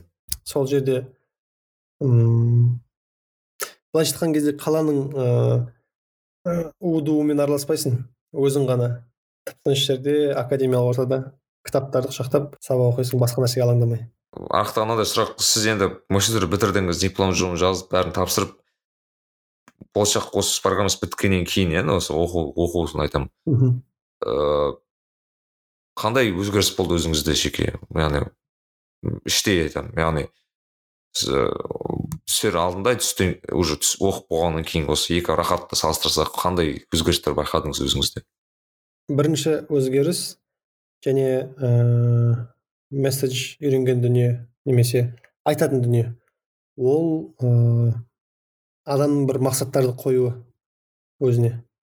Мысалы кейде байқап жатамыз бір нәрсені ойлайсың да сосын кейін біраз уақыттан кейін іске асқанын байқаймыз. Сонда негізі ыыы бұл енді бір қатып қалған тұжырым емес дегенмен бір нәрсені ойлап бастағанның өзі бір ішкі дұға сияқты ішкі тілек сияқты нәрсе екен да. Дұрыс ыыы осындай нәрсеге жетуім керек осы нәрсеге баруым керек деп бір бір қоямыз ғой іштей бір межелер. Сосын жалпы жоспарды ә, сыртқа қарай шығара бермеу керек деген де бір қағида бар иә мысалы іске, іске аспайынша. Ел көзі тиюі мүмкін басқа қылуы мүмкін деген сияқты. Бірінші нәрсе ол бұрыннан ойлайтынмын негізі өзі. Мм казгуға оқуға келген кезде шетелде оқуым керек қой осында тіл үйренуім керек қой деген сияқты. Бітіргеннен кейінгі бірінші дүние ол енді тіл. Бір тілді үйренумен қалай дегенмен де көкжиек кеңейеді. Екінші тіл үйренесің басқа қыласың ол былайша айтқан кезде екінші рахат деген сияқты бір не ғой ресурс қой. Оның үстіне ағылшын тілі болғаннан кейін. Ыыы өзіме жеткілікті қарым қатынасыма жаңағы толымды жеткілікті ағылшыным бар. Осы бірінші дүние. Екіншісі ә, батыста өмір сүргеннен кейін бәрібір олардың өмірін көресің жақсы тұстарын көресің жүйеге қойылған жағдайларын көресің және кемшіліктерін де көресің басқа қыласың салыстыруға көкжиекті кеңейтуге өте бір жақсы тәжірибе м бір сондай дүние болды. Мына бір сөз бар ғой ә, дамыған елдерде жүйе басқарады дамушы елдерде адам басқарады деген. Ә, дамушы елдерде адам басқаратыны бұл енді кәдімгі көп нәрсе адамға байланысты болып қалады. Бір адам командамен келсе жұмыс істеліп кетеді да келесі адам келген кезде істелмей қалуы мүмкін. Ал дамыған елдерде жүйеге қойылып тастаған автобус сағат сегізде жүре ма сегізде жүріп кетеді. сегіз екіде келсең сен мін, мінбей қалып кетуі мүмкін. соған бәрі көн, көндіккен сол бір жаңағы өзінің бір еркіндіктерін байлап берген былайша айтқан кезде. Көбісі ойлайды мына еуропа жалпы дамыған ел болуымыз керек дамуға алға қарай қадам басуымыз керек деген. Оның ең бірінші қағидасы адамның өзінің былайша айтқан кезде құқықтарын шектеумен басталатынын көп түсіне бермейміз. Ыыы мысалы енді қарапайым ғана кезекке кезекке тұру бар ғой енді. Еуропада да өзің де көріп жүрсің ғой.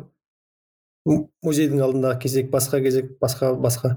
Сонда мысалы мүмкіндік бар ғой енді бізде қазақстанда үйреніп қалғанбыз ғой автобустың есігіне де басқаға да. Жылдам барып алдына қарай тұра қалсаң сен бірінші кіріп кетесің.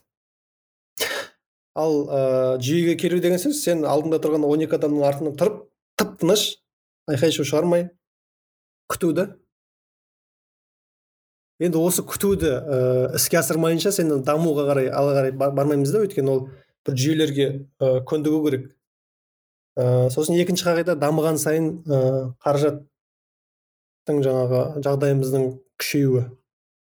Ол да бар бірақ ә, сонымен бірге шығындардың да күшейетінін түсіну керек. Ел дамыған сайын баға да өсе береді мысалы. Еуропада сондай ғой бағасы өте қымбат өмір сүру бір сәт жұмыс істемей қалсаң аш қалуы мүмкін басқа қалуы мүмкін. Сол себепті алматы мен ә, астанада өмір сүру қымбаттау аймаққа қарағанда деген сияқты.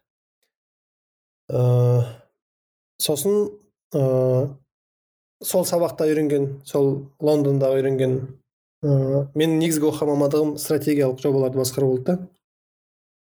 Ыыы жобаларды басқарудың қағидаларынан сыртында стратегия яғни сәл ұзақтау қарау. Мына құстың аспанда ұшып бара жатқан қыранның бір несі болады ғой? Көз қиығын қарап аспанды шолатыны бар ғой? Ыыы сол сияқты бір кеңінен қарау да бір болып жатқан процеске құбылысқа. Ыыы өйткені көбінде мысалы мына рутин күнделікті жұмысқа араласып кеткен кезде үлкен бір нәтижелердің жаңа одан кейін не тұрғандарын көрмей қалуы мүмкін да. Ыыы бұны енді өзің де мына парақшаңда қарап көріп жүрмін ғой. Мысалы м ата бабаларымыз ұстанған мұсылманшылық осындай бір ыыы алыстан қарау қағидасын береді да негізінде. Тек қана осы жерге тіреліп қалған емес. Сәл кеңірек. Мысалы бұл дүние айтып жатқан дүниеміз жасап жатқан жұмысымыз нәтижесі қалай болады деген сияқты. Оның осы жермен ғана бітіп қалмайды осы дүниемен. Ақыреттегі бір дүниелері салмағы қандай болады деген сияқты. Ә, сосын бір қызық қағида бар мысалы жоба менеджментіне байланысты. Біз көбінде ойлаймыз бір проектін бастаймыз жобаны бастаймыз. Іске асырдық уақытында бітірдік. Өзі енді үш төрт қағида бар ғой. Жаңағы уақытында бітіру ресурсына сәйкес болу ә, қойылған талаптарына сай болу деген. Бірақ кейбір жобаларды тура солай орындаймыз да уақытымен. жиырма сегізінші ақпанда бітір деді ма жиырма сегізінші ақпанда бітіреміз. Жаңағы жүз теңге бөлінді ма тоқсан тоғыз теңгемен шығын шығардық та бір теңге үнемдеп қалдық. Саған талап қойды ма жаңағы? Мынандай болсын мынандай болсын деп бәрін орындадық. Бірақ кейін өтіп кеткеннен кейін қарасақ ол жобадан бір әсері қатты емес сияқты көрінеді. Сонда мына біздің оқыған неміз ә, жобалар жобалар менеджментіндегі бір енді көп нәрсе болды ғой соның бір бір екі деталін айтатын болсақ. Жобаның өмірі ғұмыры. Жоба біткеннен кейін басталады дейді да. Жоба біткеннен кейін басталады. Әрі қарай не болатын әрі қарай қоғамда қолданысқа ие бола ма? Ә, жұртқа пайдасы тие ма тимей ма? Ә, ол енді ең маңызды сұрақ осы деп сондай бір дүние бар. Мысалы кітап жазасың сенің мақсатың жаңағы осы тез кітап жазып кітап жазып шығу осындай уақытта осындай қаражат бөлінген шығардың бірақ оқылмай қалуы мүмкін да. Сұранысқа ие болмай қалуы мүмкін. Сонда жаңағы сәл ұзақтау қарау сәл артқа қарай шегініп бұл қай жаққа қарай кетіп бара деп қарау жобада. Өте бір маңызды ыыы өте бір маңызды тұстың бірі. Сондықтан ыыы осы сұрақтың жауабына қорытындылаған кезде біріншісі ол тіл. Тіл үйрендік тілмен бірге көптеген дүние бірге келді. Екіншісі бірақ оның да өзінің бір қиын тұстары бар тілге байланысты. Бұрын ағылшын тіліндегі әндер қосылып тұрған кезде түсінбейтінсің ыыы енді ағылшын тілінде көптеген мысалы рэперлердің басқалардың әндері бір біртүрлі болып келеді ғой. Қазір қосылып тұрса түсіне бастайсың да ол. Қосымша ақпарат. Нашар ақпарат. Ә, екіншіден батыстық білім жүйесін көргеннен кейін сол жерде өмір сүргеннен кейін салыстыру көкжиектің кеңеюі басқа да бір перспективалардың ашылуы. Және үшіншісі енді тікелей мамандық мамандық бойынша алған ыыы үйренген дүниелерімді мысалы қазіргі жасап жатқан жұмысымда қолданамын кейбір тұстарында. Сіз бағана айттыңыз ғой стратегиялық жаңағы жоспарлау стратегиялық осы несі менеджмент деген секілді. Просто мен өзім байқайтыным бізде осы, осы мәселе қатты ақсап отқан секілді өйткені мысалы мемлекеттік деңгейді даже қарасақ ә, стратегиялық бір нелерді құрамыз да ә, белгілі бір жобаларда мемлекет мемлекеттік деңгейде. Бірақ ол жобалардың өздері кішкене көбі стратегиялық ә, тұрғыда қарасақ қанша соншалықты бір білмеймін бір несін әкеліп жатқан жоқ секілді көрінеді көбіне. Кейбір мен барлығын айтпаймын бірақ көп көбіне сондай болып жатады да. Яғни біздегі бағанағы осы стратегиялық жоспарлау мүмкін менеджмент жағы ақсай ақсап жатқан секілді көрінеді сіз қалай ойлайсыз осы жағынан? Енді стратегия стратегия деген өзі не нәрсе? Стратегия деген ә, ұзақ мерзімді бір жоспарлардың жиынтығы. Иә бұл бірінші бөлігі ғана. Екінші бөлігі сол сол мақсаттарға жетудің нақты қадамдар мен жолы. Осы екі қағиданы қамтиды ғой.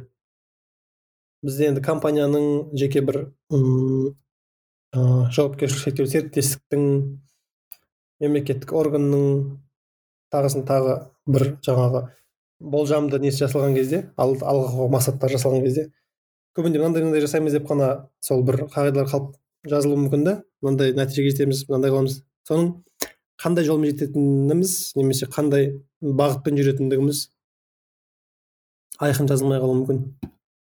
Осы бірінші осыдан шығатын нәрсе. Яғни нәтижесінің ә, толыққанды болмауы. Екіншісі жеке адам тұрғысынан да біз өз ұзаққа қатты мақсат қоя бермейміз ғой көбінде ә, біз ағыспен ағыспен үйреніп қойғанбыз жаңағы бүгін тұрдың бір оқиғалар келді соны істедің келесі күні тағысын тағы деген сияқты. Ә, европалық европалық жаңағы ыыы индивидтің енді ә, жаңағы келесі жылы келесі жыл жазда қай жаққа барып демалатынына шамамен жоспарлай бастайды ғой енді жаққа барып демаламыз мына жерде мынандай болады келесі жылы мынандай жасаймыз деген сияқты соған қаражатын жинап басқа қылып ресурстарын қарастырып біздің демалысымыздың өзі бірден ал кеттік міне осы сәтте кетіп қаламыз енді ол бір ыыы қалай айтсақ болады менталитеттік ерекшелік те болуы мүмкін басқа да болуы мүмкін сол еуропалық ыыы жаңағы еуропалық қағидаға салып билетті алып қоямын ғой шетелге ақырында коронавирус болып ұша алмай қалдым ертерек жоспарлап едім. Мысалы бізге келіңкіремей ме әлде ситуация солай болды ма әйтеуір іске аспай қалды. Енді м жаңағы неге байланысты? Стратегияға байланысты. Расында ондай мәс иә кемшілік ондай дүние бар. Сосын ол ыыы стратегия. Белгілі бір белгілі бір нәтижелермен байланбағаннан кейін оның үстіне жаңағыдай ғой. Адам команда ауысқан кезде немесе басшылық ауысқан кезде ол стратегиялар өзгеріп кетуі де мүмкін. Бағыт өзгеріп кетуі мүмкін. Соған сәйкес ол нәтижелерге қол жете бермейміз. Бірақ енді соңғы тенденция қазір. Мына пандемия деп жатырмыз басқа деп жатырмыз. Қазір көптеген енді зерттеушілер айтып жатыр ғой. Ұзақ мерзімді ә, болжам жасаудың ұзақ мерзімді стратегия жасаудың уақыты кішкене ә, кетті деген сияқты.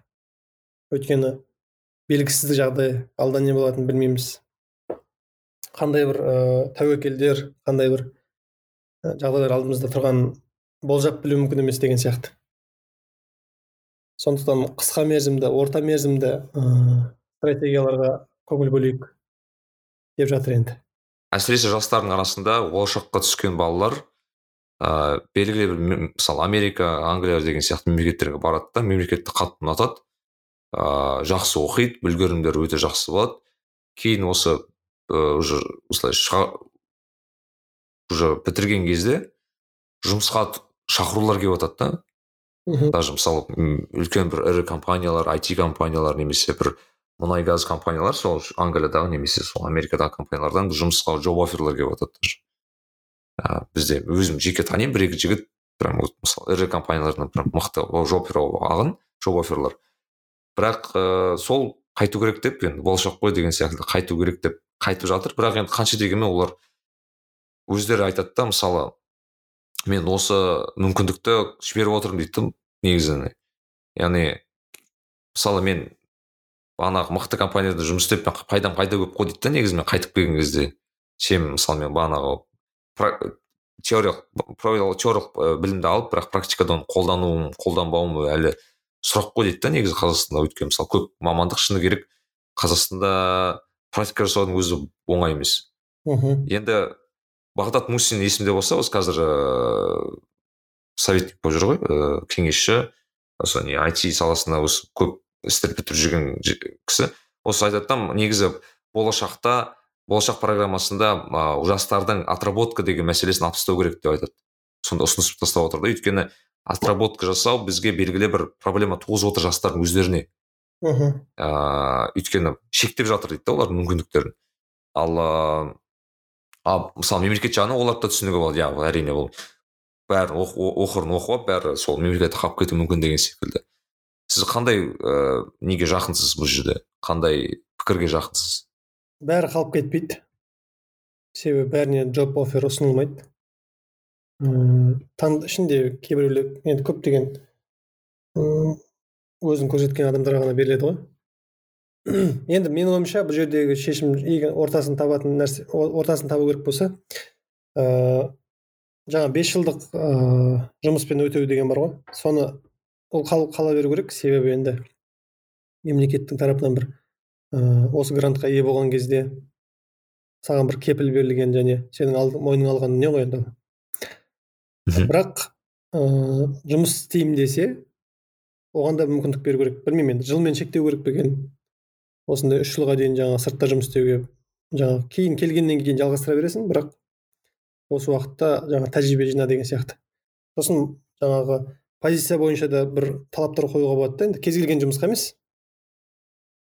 белгілі бір мысалы ыыы талаптарды қоюға болады ғой енді маман жаңағы позиция тұрғысынан ба әлде саласы бойынша ма тікелей өзінің саласына заңгер болса заңгер жұмысын істесе кәнекей деген сияқты. Мұнай газды оқыса ол жаңағы компаниясына барып шевроны бола ма басқасы бола ма бридж петролиум бола ма? Солай ыыы жолын табуға болатын шығар.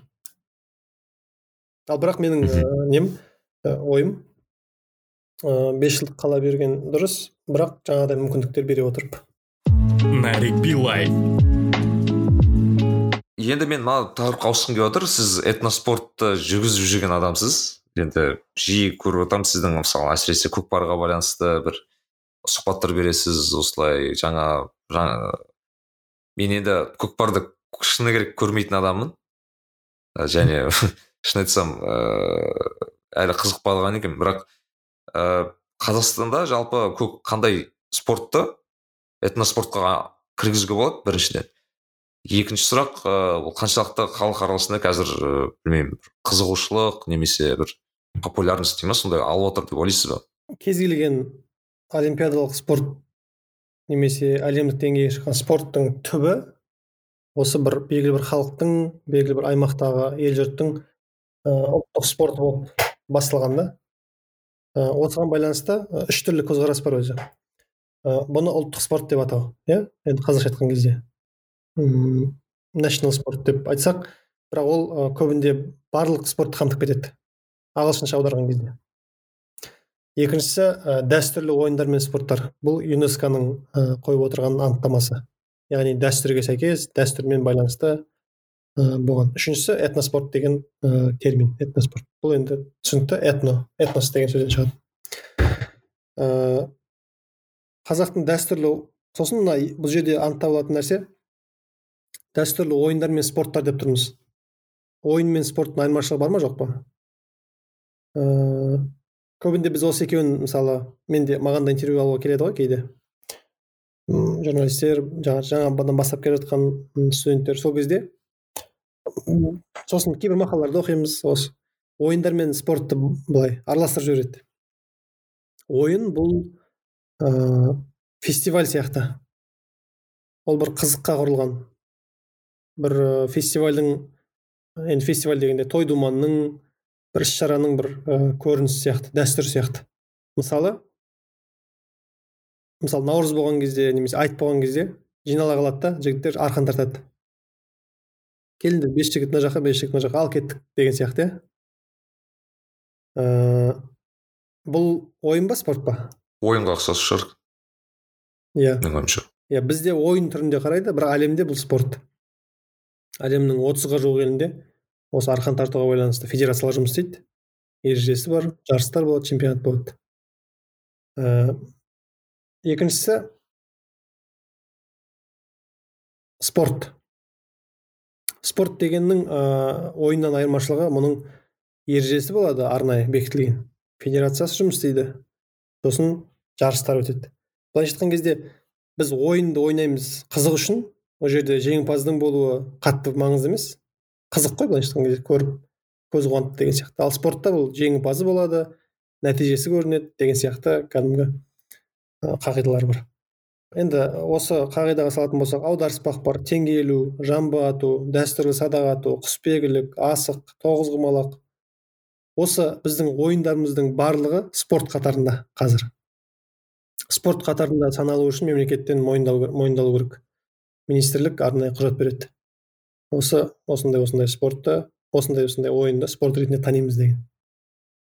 Ыыы ақсүйек тағы қандай орамал салмақ. Ақсерек көксерек. Бұлар енді ойын. Бұл спорт емес. Соңғы уақыттары біздің ұлттық ойындарымыз ә, бірінші жағдай спортқа айналды тұрақты чемпионат өтеді тұрақты жарыс өтеді ережесі бар басқасы бар федерациясы бар. Сосын екіншіден ә, халықаралық деңгейге шыға бастадық деп айтсақ болады. Халықаралық дегенде бірінші енді аймақтық деңгей деп айтайық белгілі бір өңірлік деңгей. Мына енді көкпар деген ойын ә, екі, екі, екі түрге бөлінеді. Біріншісін енді жаппай көкпар дейміз. Көбінде мына ауыл аймақта мысалы оңтүстікте жаппай көкпар беріп жатады иә? Той той тойдан кейін белгілі қуаныштан кейін. Ол жерде команда жоқ жеке адамдар ғой барлығы жинала келіп тартысып жатады. Ә, бұны енді ойын қазақтың дәстүрі ойын ретінде қарасақ болады. Ал командалық командалық түрдегі көкпар да ол енді спорт. Сосын бұл тек қана бізге ғана тән емес. Ауғанстанға бузкаши деп атайды оны. Рэмбо дейтін фильм бар. Сол жерде элементі бар осы көкпардың. Ыыы ұлақ кубкари дейді өзбекстанда. Ә, тәжікстанда қырғызстанда бар. Олар көкбөрі дейді. Ұлақ тартыш дейді. Атау басқа бірақ негізгі қағидалар бір. Сондықтан ыыы соңғы уақыттары екінші айтатын дүнием жаңағы халықаралық бір деңгейге шыға басады десек болады. Яғни көкпарды халықаралық спорт деп айтса бола ма қазір оны? көкпарды ма? халықаралық спорт деп айтсақ болады. Мм. Яғни ол жалпы халықаралық деңгейде бекітілген ә, аты бекітілген бренді бекітілген заңдар бар иә яғни? Ережелер ережесі бар халықаралық деңгейде федерациясы бар халықаралық деңгейде ә, мүшелері бар. Халықаралық аты қандай? көкпар деп атала ма? Енді әр, әр мемлекетте әртүрлі аталады ғой просто. Иә біз осы екі мың былтыр ғана осының арнайы жаңағы несі жиыны болған. Ыыы құжат жүзінде ол WK деп аталады да World көкпар WK бірақ жақшаның ішінде атаулардың бәрі мысалы ережесін бекіткен кезде халықаралық ережесін бекіткен кезде жақшаның ішінде жазылып тұр. Жаңағы бузкаши улақ көкпары көкбөрі көкпар деп. Тұтастай алған кезде ыыы бір екі детальдар бар. Жаңағы ұлттық ерекшелік деп айтатын. Бірақ негізгі қағидасы сол. Бұның ыыы көкпардың қазақтың атпен байланысты ойындарының көбісі жауынгерлік өмірдің бір көрінісі ғой. Ә, жауынгерлік өмірдің көрінісі болатыны. Аттың үстіндегі садақ ату жамбы ату дейміз ғой енді. Ол кәдімгі жауынгерліктің алдыңғы сабында өзі садақшылар тұрған ғой. Соның бір көрінісі. Ә, немесе көкпардың өзін мысалы жау қолында өзінің бауырын өзінің жаңағы сарбазын тастап кетпей алып кетудің бір жаттығуы деген сияқты. Қарастырады. Яғни жауға бермей өзіңе. Жарақаттанып қалады басқа болады. Сол кезде көмектесіп алып кетудің жаттығуы деп. Тең келу мысалы тең келудің де қағидасы ыыы қару жарағың түсіп қалады қылышың түсіп қалады басқа болады. Соны жылдам көтерудің бір дайындығы сияқты да ол да. Жалпы барлық сіз айтып өткен спорттың көкпардан басқа қайсысы халықаралық деңгейге шыға алды? Енді ә, біз бұны ұлттық ойын деп қараймыз ғой. Бірақ жаңа айтқаным сияқты көптеген әлем елдерінде бар. Енді тек қана біз ғана жауынгер болған жоқпыз қой әлем барлығы уақытында. Соғыспен өмір сүрді жауынгершілік жаугершілік замандар болды ә, жауынгер халықтар болды деген сияқты. Мысалы мына жамбы ату дәстүрлі ә, жаңағы ат үстіндегі садақ ату ә, бұл 2014 жылы ғана қазақстанда қолға алынды. Оған дейін қазақстанда аттың үстінде садақ ататын адамдар болған жоқ. Осы қауымдастықтың ә, президенті бекболат ағамыз ғой бекболат тілеухан. Ә, сол кісі арнайы моңғолиядан ә, жаңағы жаттықтырушы алдырып бірінші оқу жаттығудың жиын жасайды да. Ә, кейін осы дамып дамып былтыр 2018 жылы біздің ә, құрама кореяда өткен жарыста ә, белгілі бір бағдарламасы бойынша чемпион атанып келді. Сонда мысалы 2014 жылға дейін ат үстіндегі садақ ату дейтін бір образды біз мысалы батырлар жырының сыртындағы кітаптан немесе оқулықта әдебиеттің сыртындағы бір суреттен ғана білетінбіз көретінбіз да. Ол былайша айтқан кезде ұмытылып кеткен. Біздің ә, шығармамызда жаңағы фольклорымызда немесе бір ә, кітаптарымызда бар да бірақ жадымызда бір ішкі түпкі бір немізде бар да бірақ былай практикада жоқ. Кейін осы іске жаңағы жаңағы алғашқы қадам басталды кейін жарыстар өтті. Міне былтыр бірінші әлем чемпионатын өткіздік оған дейін екі рет халықаралық жарыс өткіздік басқа басқа. Кейін қарап тұрсақ әлемнің 35 қырыққа жуық елінде осындай ә, негізгі халықаралық атауы horseback archery яғни ат үстінде садақ ату. Ондай бар екен. Ә, кореялық стиль деген бар европалық стиль венгерлік жаңағы мажарлық стиль басқа стиль деген сияқты неше түрлі стильдер бар. Негізгі түпкі мағынасы ол аттың үстінде отырып белгілі бір нысананы көздеу иә соны атып тұру ә, енді қашықтығына байланысты ә, нысананың қойылу ретіне байланысты өзгешеліктер бар. Айтайын дегенім мына жамбы ә, әлемдік деңгейге шығуы немесе таралуы ешқандай қиындық туғызбайды. себебі әлемнің көптеген елінде бар бұл тек қана мысалы біз оны қазақ стилі деп атадық қазір. Соны ыыы таратуымыз ғана керек болды. Әйтпесе қазір осы былтыр кореяның ә, корея осымен он үшінші қателеспесем он бесінші рет чемпионат өткізген әлем чемпионатын. Былтырғы бағдарламасында осы қазақ стилін қосты қазақ стилінің ерекшелігі не ол жамбы. Жамбы деген не?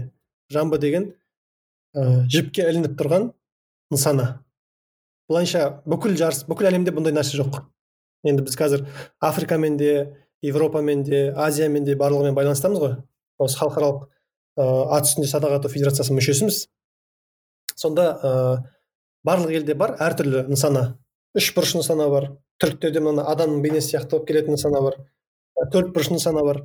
Бірақ олардың барлығы қозғалыста емес тұрақты.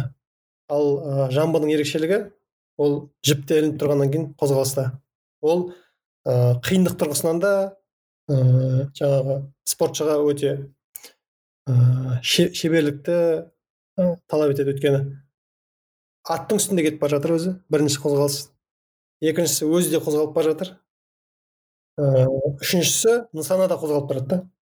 Сонда оның жаңағы дәлдеуі дайындығы кішкене тұрақты нысан атқаннан гөрі басқаша. Сондықтан осы жамбы айтсақ болады бірінші. Ә, екіншісі енді аударыспақ теңгелу бойынша бұны толық бір халықаралық деңгейдегі бір ойын деп айтуға болмайды. Бірақ ә, өзбекстан тәжікстан деген сияқты мына орта азия елдері осы біздің төңірегіміздегі елдер түркі халықтары ә, соларда бар. Оның оған қосымша ресейде мына беларусь елінде ә, осы аударыспаққа байланысты ә, қадамдар бар. Өздеріне дамытуға басқаға. Ә, татарстан мысалы былтыр бірінші рет өздерінде бір ауданында ә, чемпионат өткізіп көрді турнир. Биыл жоспарлар болған. Тұңғыш рет өздерінде ә, ресей федерациясының аударыспақтан ә, жаңағы чемпионатын өткіземін деген сияқты. Олар қалай айтады оны? Орысша аударыспақты ол жерде енді орысша емес не ә, аударыш деп айтады. Не болады татарша татарша айтады қазақ күресін кіргізсе бола ма соның ішіне қазір енді арман шораев ағамызды сондай бастады ғой. Қазақ күресін былай не істегенге қазақ күресі мен жаңағы неге қазақ күресі тоғызқұмалақтарды айтпай жатырмын? Ә, себебі ұм, біздің қауымдастыққа тікелей кірмейді ол ыыы спорттың түрлері. Бірақ біз біліп байланыстамыз. Біз өткізетін жарыста да ол кісілер келеді олар өткізетін жарыста біздер барамыз деген сияқты.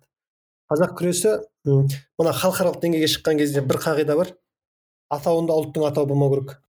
Егер ыыы белгілі бір өзіңнің спортыңды өзіңнің ойыныңды әлемдік деңгейге шығарамын десең ұлттың атауын алып тастау керек ол жерден.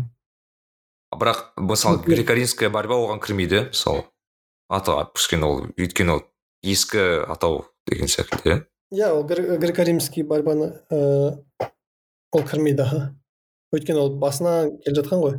Мысалы қазір ыыы қандай да бір халықаралық деңгейге ә, азиялық деңгейге ә, шығару үшін иә жекелеген бір қосылуы мүмкін бірақ ә, атауында бір ұлттың атауы болғаннан кейін басқа елдерге ол қызық қызық болмайды да.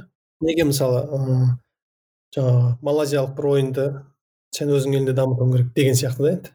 Сол себепті қазір белдесу деген атты ұсынып ұсынып соны ыыы қазір жаңағы промоушн жасап жатыр ғой.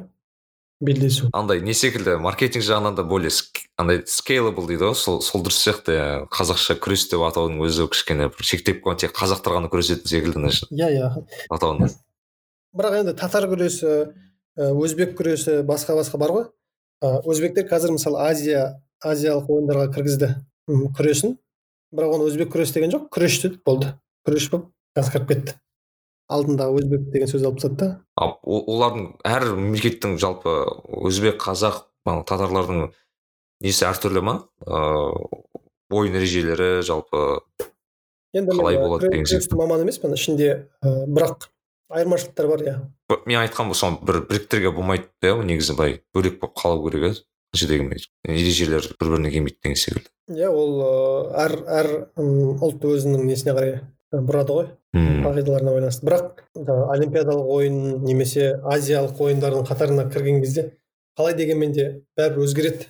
Трансформацияға ұшырайды киім өзгереді ереже өзгереді төрешінің орналасуы өзгереді басқа өзгереді. Сондықтан алдыңғы қалыппен қалмайды бәрібір. Бірінші күресті көргенмен одан кейін ол егер ыыы азиялық ойындарға кіріп кеткен болса мысалы екеуі екі түрлі болуы әбден мүмкін. Менің ыыы қай бір жылы саясат тұрбектің бір жақсы осы бір be деген бір подкастта айтқан бір сөзі есімде қатты қалып қалыпты да.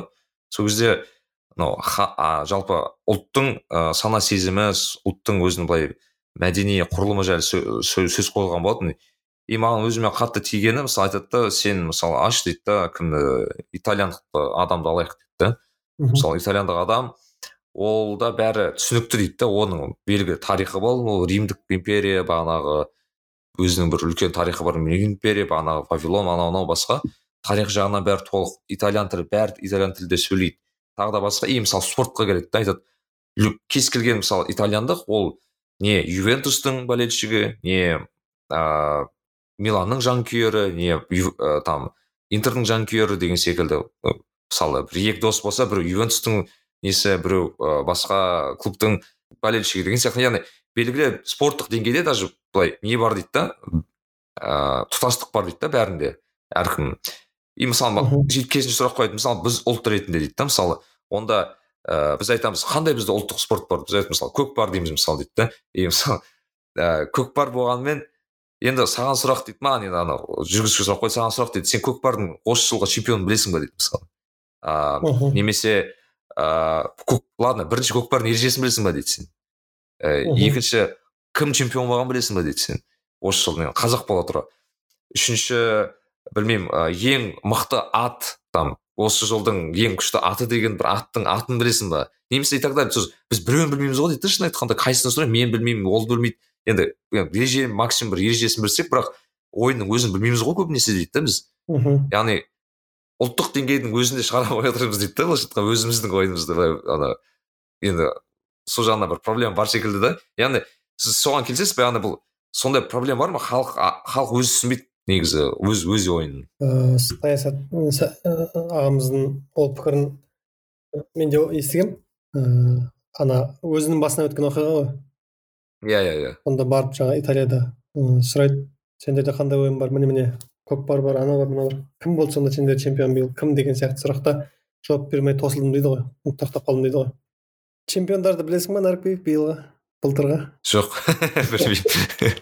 Біздің жаңағы команда капитаны кім көкпардың маған шын айтамын маған ана орыста айтпақшы темный лес дейді ғой сондай да маған көкпар деген кішкене. Сол жағынан. Енді әрине маған мақтап жатқан жоқпын мен шын айтып тұрмын маған енді позор шығар. Бірақ ыыы шын енді мен өзіме сұрақ қоямын да неге мен оны білмеймін деген секілді. Бірақ иә осы сұрақ мені ойландырады да мен неге қазақ бола оны білмеймін деген секілді. Қалай жауап берсе екен бұл сұраққа енді ыыы мен өзі екі мың он сегізінші жылы келдім осы неге? Ұлттық спорт қауымдастығына. Бірақ оған дейін 2013 үшінші екі мың он төртінші жылдан бастап жарыстарын көріп жүрмін ұлттық спорт қауымдастығы жасаған ыыы іс шараларында болдым. Чемпионат әлем чемпионаты болған кезде басқа болған кезде ыыы хабардармын білемін. Осы жұмыс барысында байқаймын мысалы кейбір азаматтар кейін барып келіп а мынандай ойын бар екен ғой мынандай екен ғой деген сияқты. Мысалы кәсіпкер кісілер бар немесе бір мемлекеттік қызметтегі кісілер бар. Мынандай мынандай жігіттер бар екен ғой деген сияқты. Қызығып кейін ат ұстап деген сияқты. Өздері жанкүйер болып деген сияқты сөйтіп келетін. Бұл енді бір үзіліп қалған себепті шығар. Бір ә, тізбектің үзіліп қалуы деп айтсақ болады ма? Оның үстіне урбанизация бар қаладан ауылдан қалаға көшу бар. Ә, ауылдың өзінде ә, қалалану бар. Жаңағы ә, көбінде мал ұстамайды басқа қылмайды. Яғни бір ә, айтайын деп жатқаным тұрмыс тіршіліктің өзгерісімен. Өйткені урбанизация. иә өйткені ыыы атқа міне аласың ғой нарікбек иә? Иә мен ауылда болдық қой енді мінеміз ғой. ауылда болған себепті мінесің да ал қалада дүниеге келсең бәлкім мінбеуің де мүмкін. Сондықтан осы бір біздің айталық жиырмасыншы он тоғызыншы ғасырда өмір сүрген ә, тұрмыс тіршілігімізден мүлде басқашамыз ғой қазір. Ол ә, сақталып қалған орындар бар. Оңтүстікте мысалы иә. Сол себепті де шығар бәлкім көкпарымыз аударыспағымыз теңге деген сияқты ұлттық ойындар ыыы жігіттер сол жерден көбірек шығады.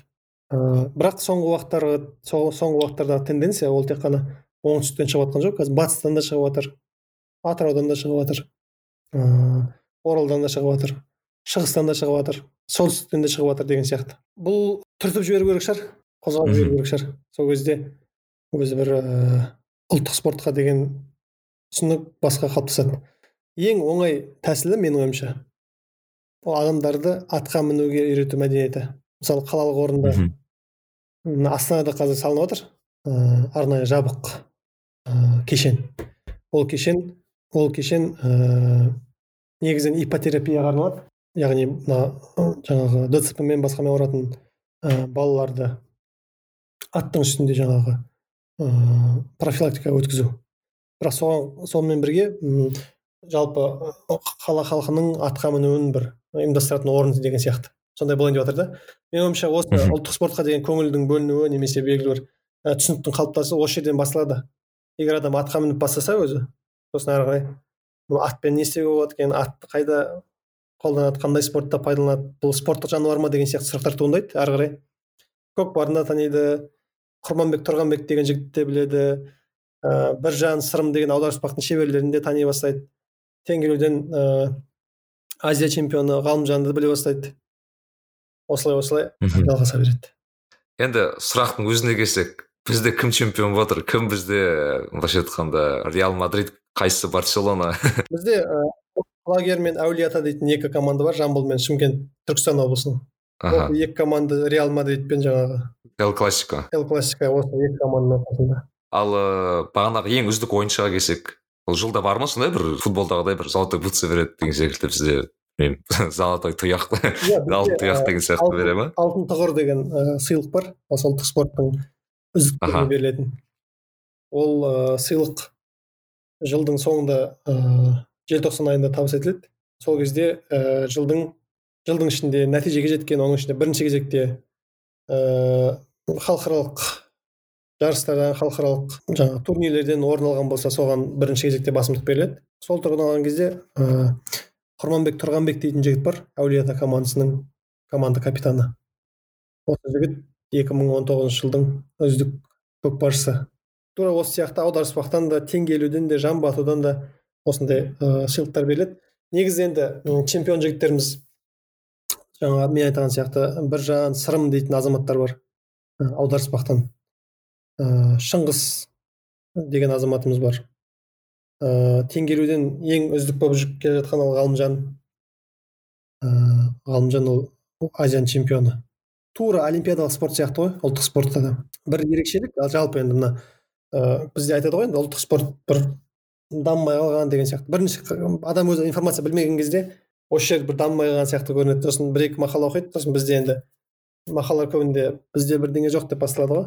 Ә, қазақ тілінде оқыған кезде. Иә. Ә, содан ә, бір көзқарастар туындайды. Бірақ бір үлкен нәрсе. Бүкіл әлем бойынша дәл ұлттық спортқа мемлекеттік тұрғыдан көңіл бөлініп отырған мемлекетті ә, санамалау қиын. Ұлттық спортты айтып тұрмын. Жалпы спорт емес ұлттық спорт. Неге? себебі тура олимпиадалық жүйе бізде қалыптасқан. Мен мына жүйеге қою тұрғысынан айтып жатырмын. Бізде ұлттық құрамалар бар.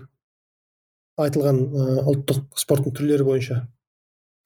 Ә, оларды мемлекет қаржыландырады мысалы оқу жаттығу жиын өтетін болса. Екіншісі ә, үш деңгей бар. Жасөспірімдер жастар және ересектер. Мхм. Ә, үшіншісі тұрақты чемпионаттар өтеді. Көкпардың чемпионаты өткеніне жиырма жылдан асты. Аударыспақта солай. Жамбы ату 2014-тен басталды.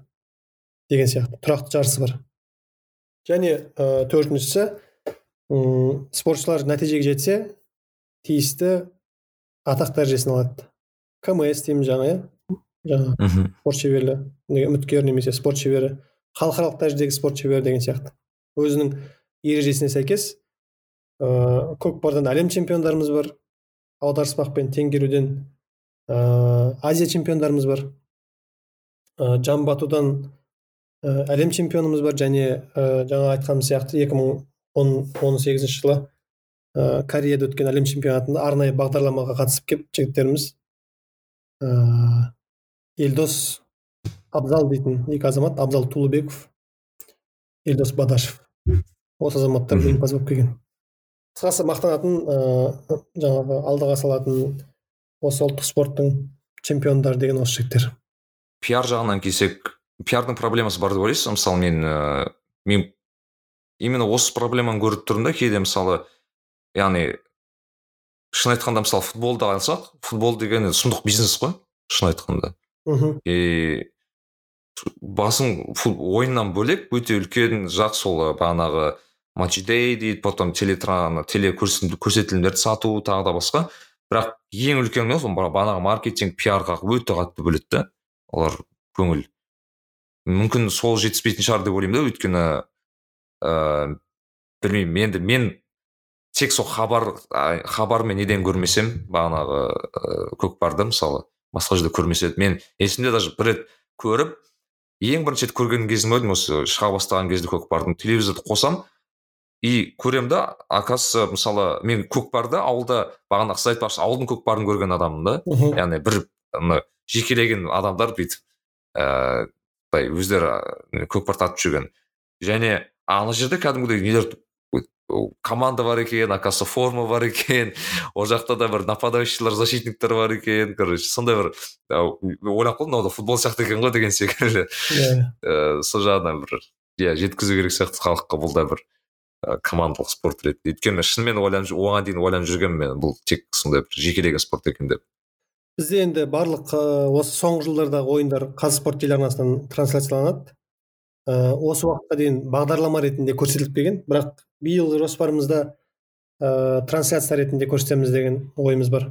Яғни бүгін болды ойын бүгін көрсетеміз.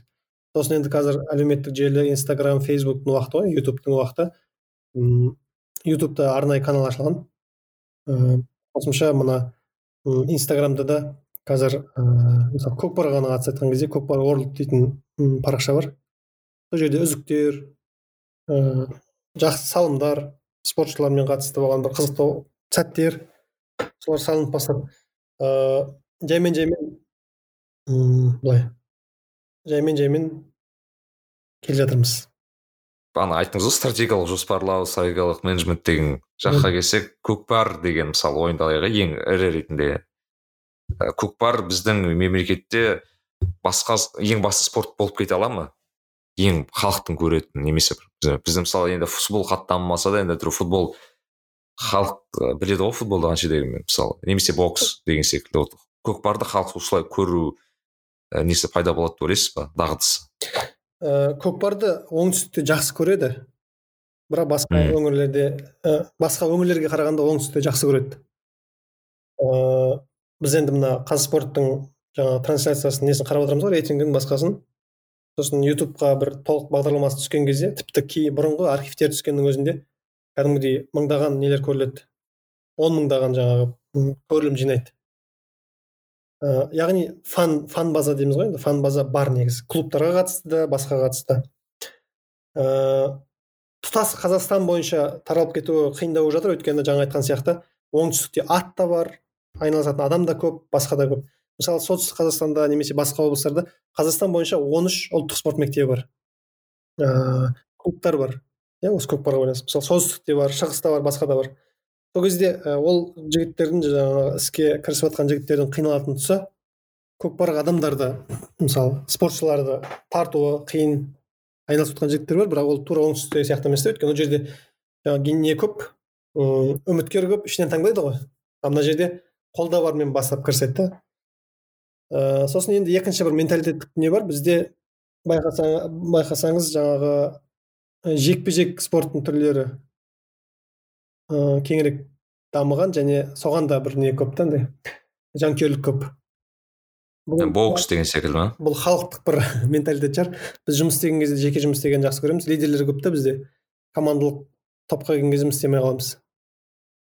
Мхм. еуропа командалық жұмыс істеуге үйренген сондықтан футбол сияқты дамыған деген сияқты бір ә, сондай бір не бар ғой салыстыру бар иә ғой. иә.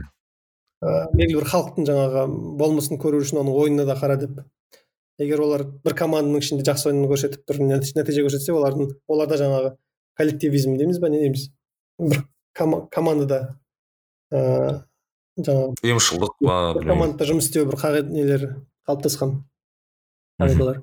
Ал ә, бізде енді мына боксты алсақ та күресті алсақ та жеке ғой көбінде. Жанкүйерлігіміз де солай болады. Ә, бірақ енді ә, ұзақ уақытпен қараған кезде бұның үлкен потен- потенциалы бар. Оның үстіне қазір енді халықаралық ә, жаңағы қауымдастықтың құрамында ә, жұмыс істеп жатырмыз. Ә, оған қоса көкпар лигасын құрамыз деген бір үлкен мақсат бар. Ә, мысалы қазір бізде өтетін жарыстар бұл облыстардың командаларының арасында да. Бірақ осыны енді осыған қосымша бір клубтардың арасында да сондай бір ә, лига құрсақ деген жоспарымыз бар. Сонда мысалы, жамбыл немесе шымкент немесе жаңағы түркістан деген сияқты облыстан бір ғана команда емес ауданның командасы да келіп қатысуы мүмкін басқа болуы мүмкін. Жекелеген футбольный клубтар секілді иә? Иә иә. Алғашында енді құрылу барысында ол шектеулер қойылмайды сосын жаңағы а категориясы би категориясы деген сияқты бола қоймас бірақ түпкі андай да болатын шығар мүмкін. Андай болады ғой. Трансферлер жасайды ана игрок сатып бар ғой андай болады ғой оған дейін жылқы сатып оған дейін ертерек бірақ ыыы алғашқы бір алғашқы қадамдар жасалып жатыр негізінде.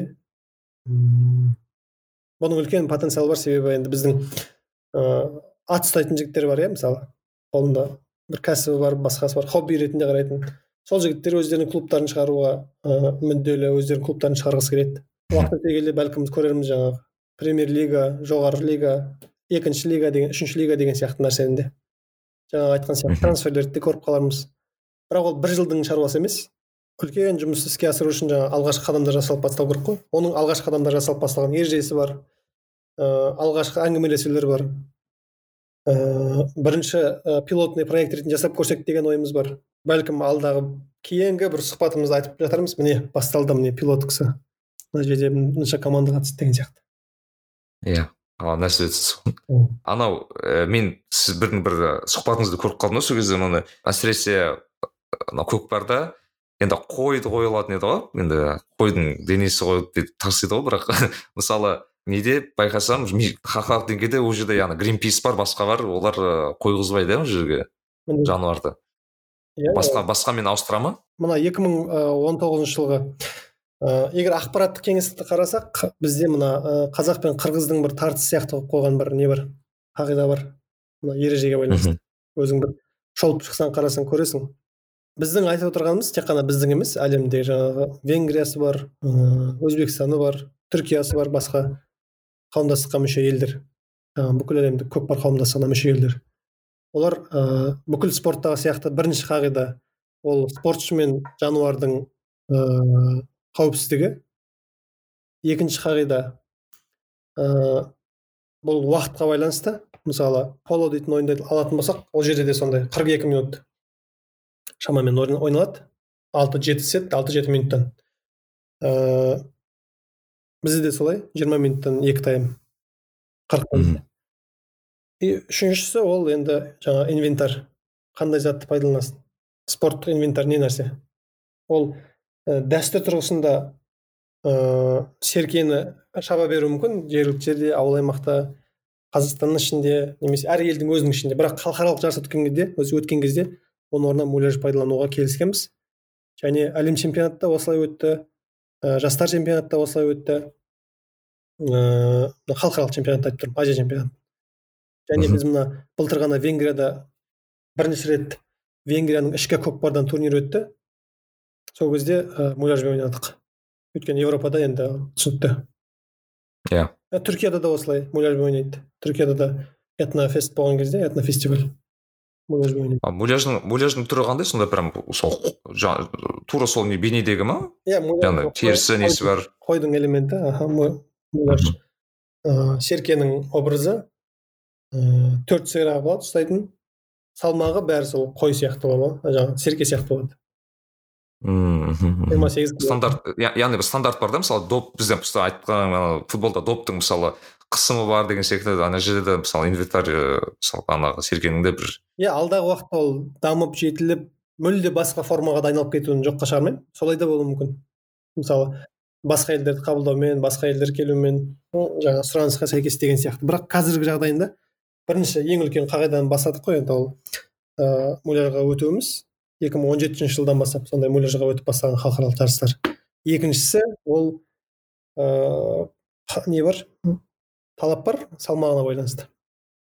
Жастар ойнаса жаңағы жиырма бес килограмм үлкен ересектер құрамасы ойнаса жиырма сегізден жоғары жиырма сегіз отыз отыз бес кете береді.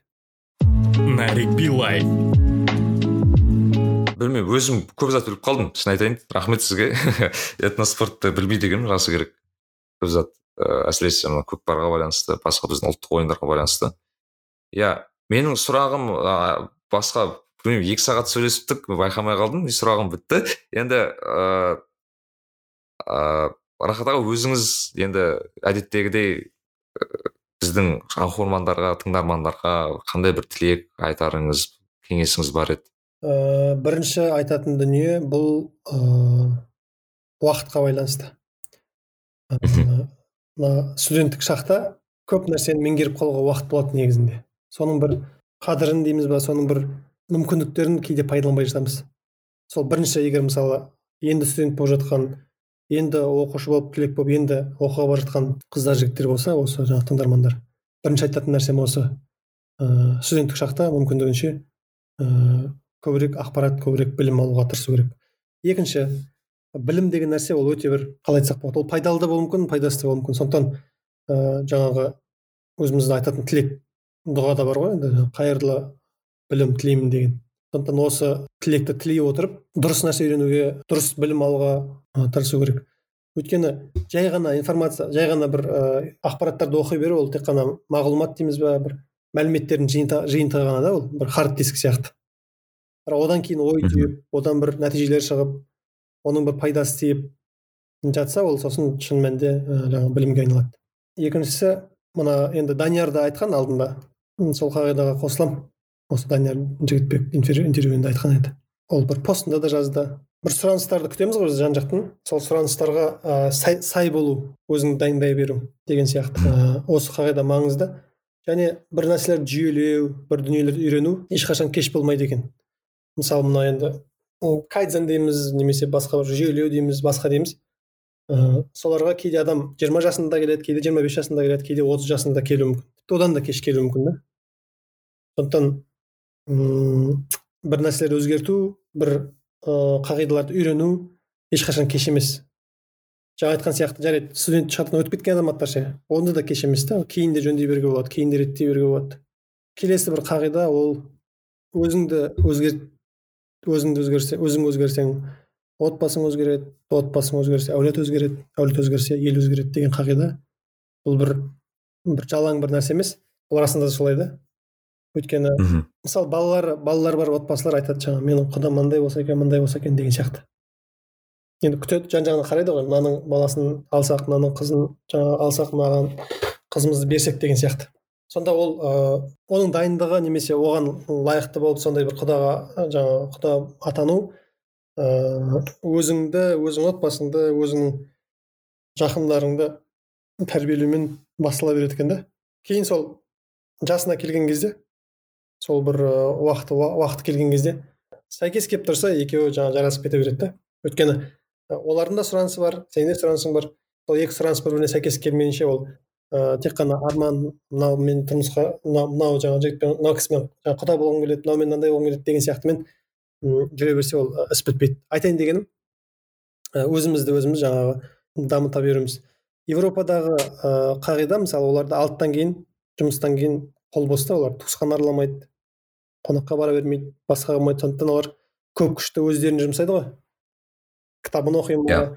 спортына бара ма басқа қыла ма ә, біздегі бұл ерекшелік және бұны кемшілік деп те айтуға болмайды бізде мысалы туысқандармен қарым қатынас жаңағы енді әрине оның да бір кейде әсіре бір нелері бар зияндары бар. Зиян дегенде мен ана айтып тұрған жоқпын. Бос уақытты босқа өткізумен тағысын тағы дүниелеріне қатысты айтып жатырмын әйтпесе негізгі қағида туысқанмен қарым қатынас ә, жақсы болған себеп шығар. Бәлкім біздің кейбір ә, осындай ахуалымызға өзіміздің потенциалымызға қарамастан белгілі бір дәрежеде ә, жетістікке жетіп жатқанымыз ол енді мына береке деген нәрсе бар ғой енді.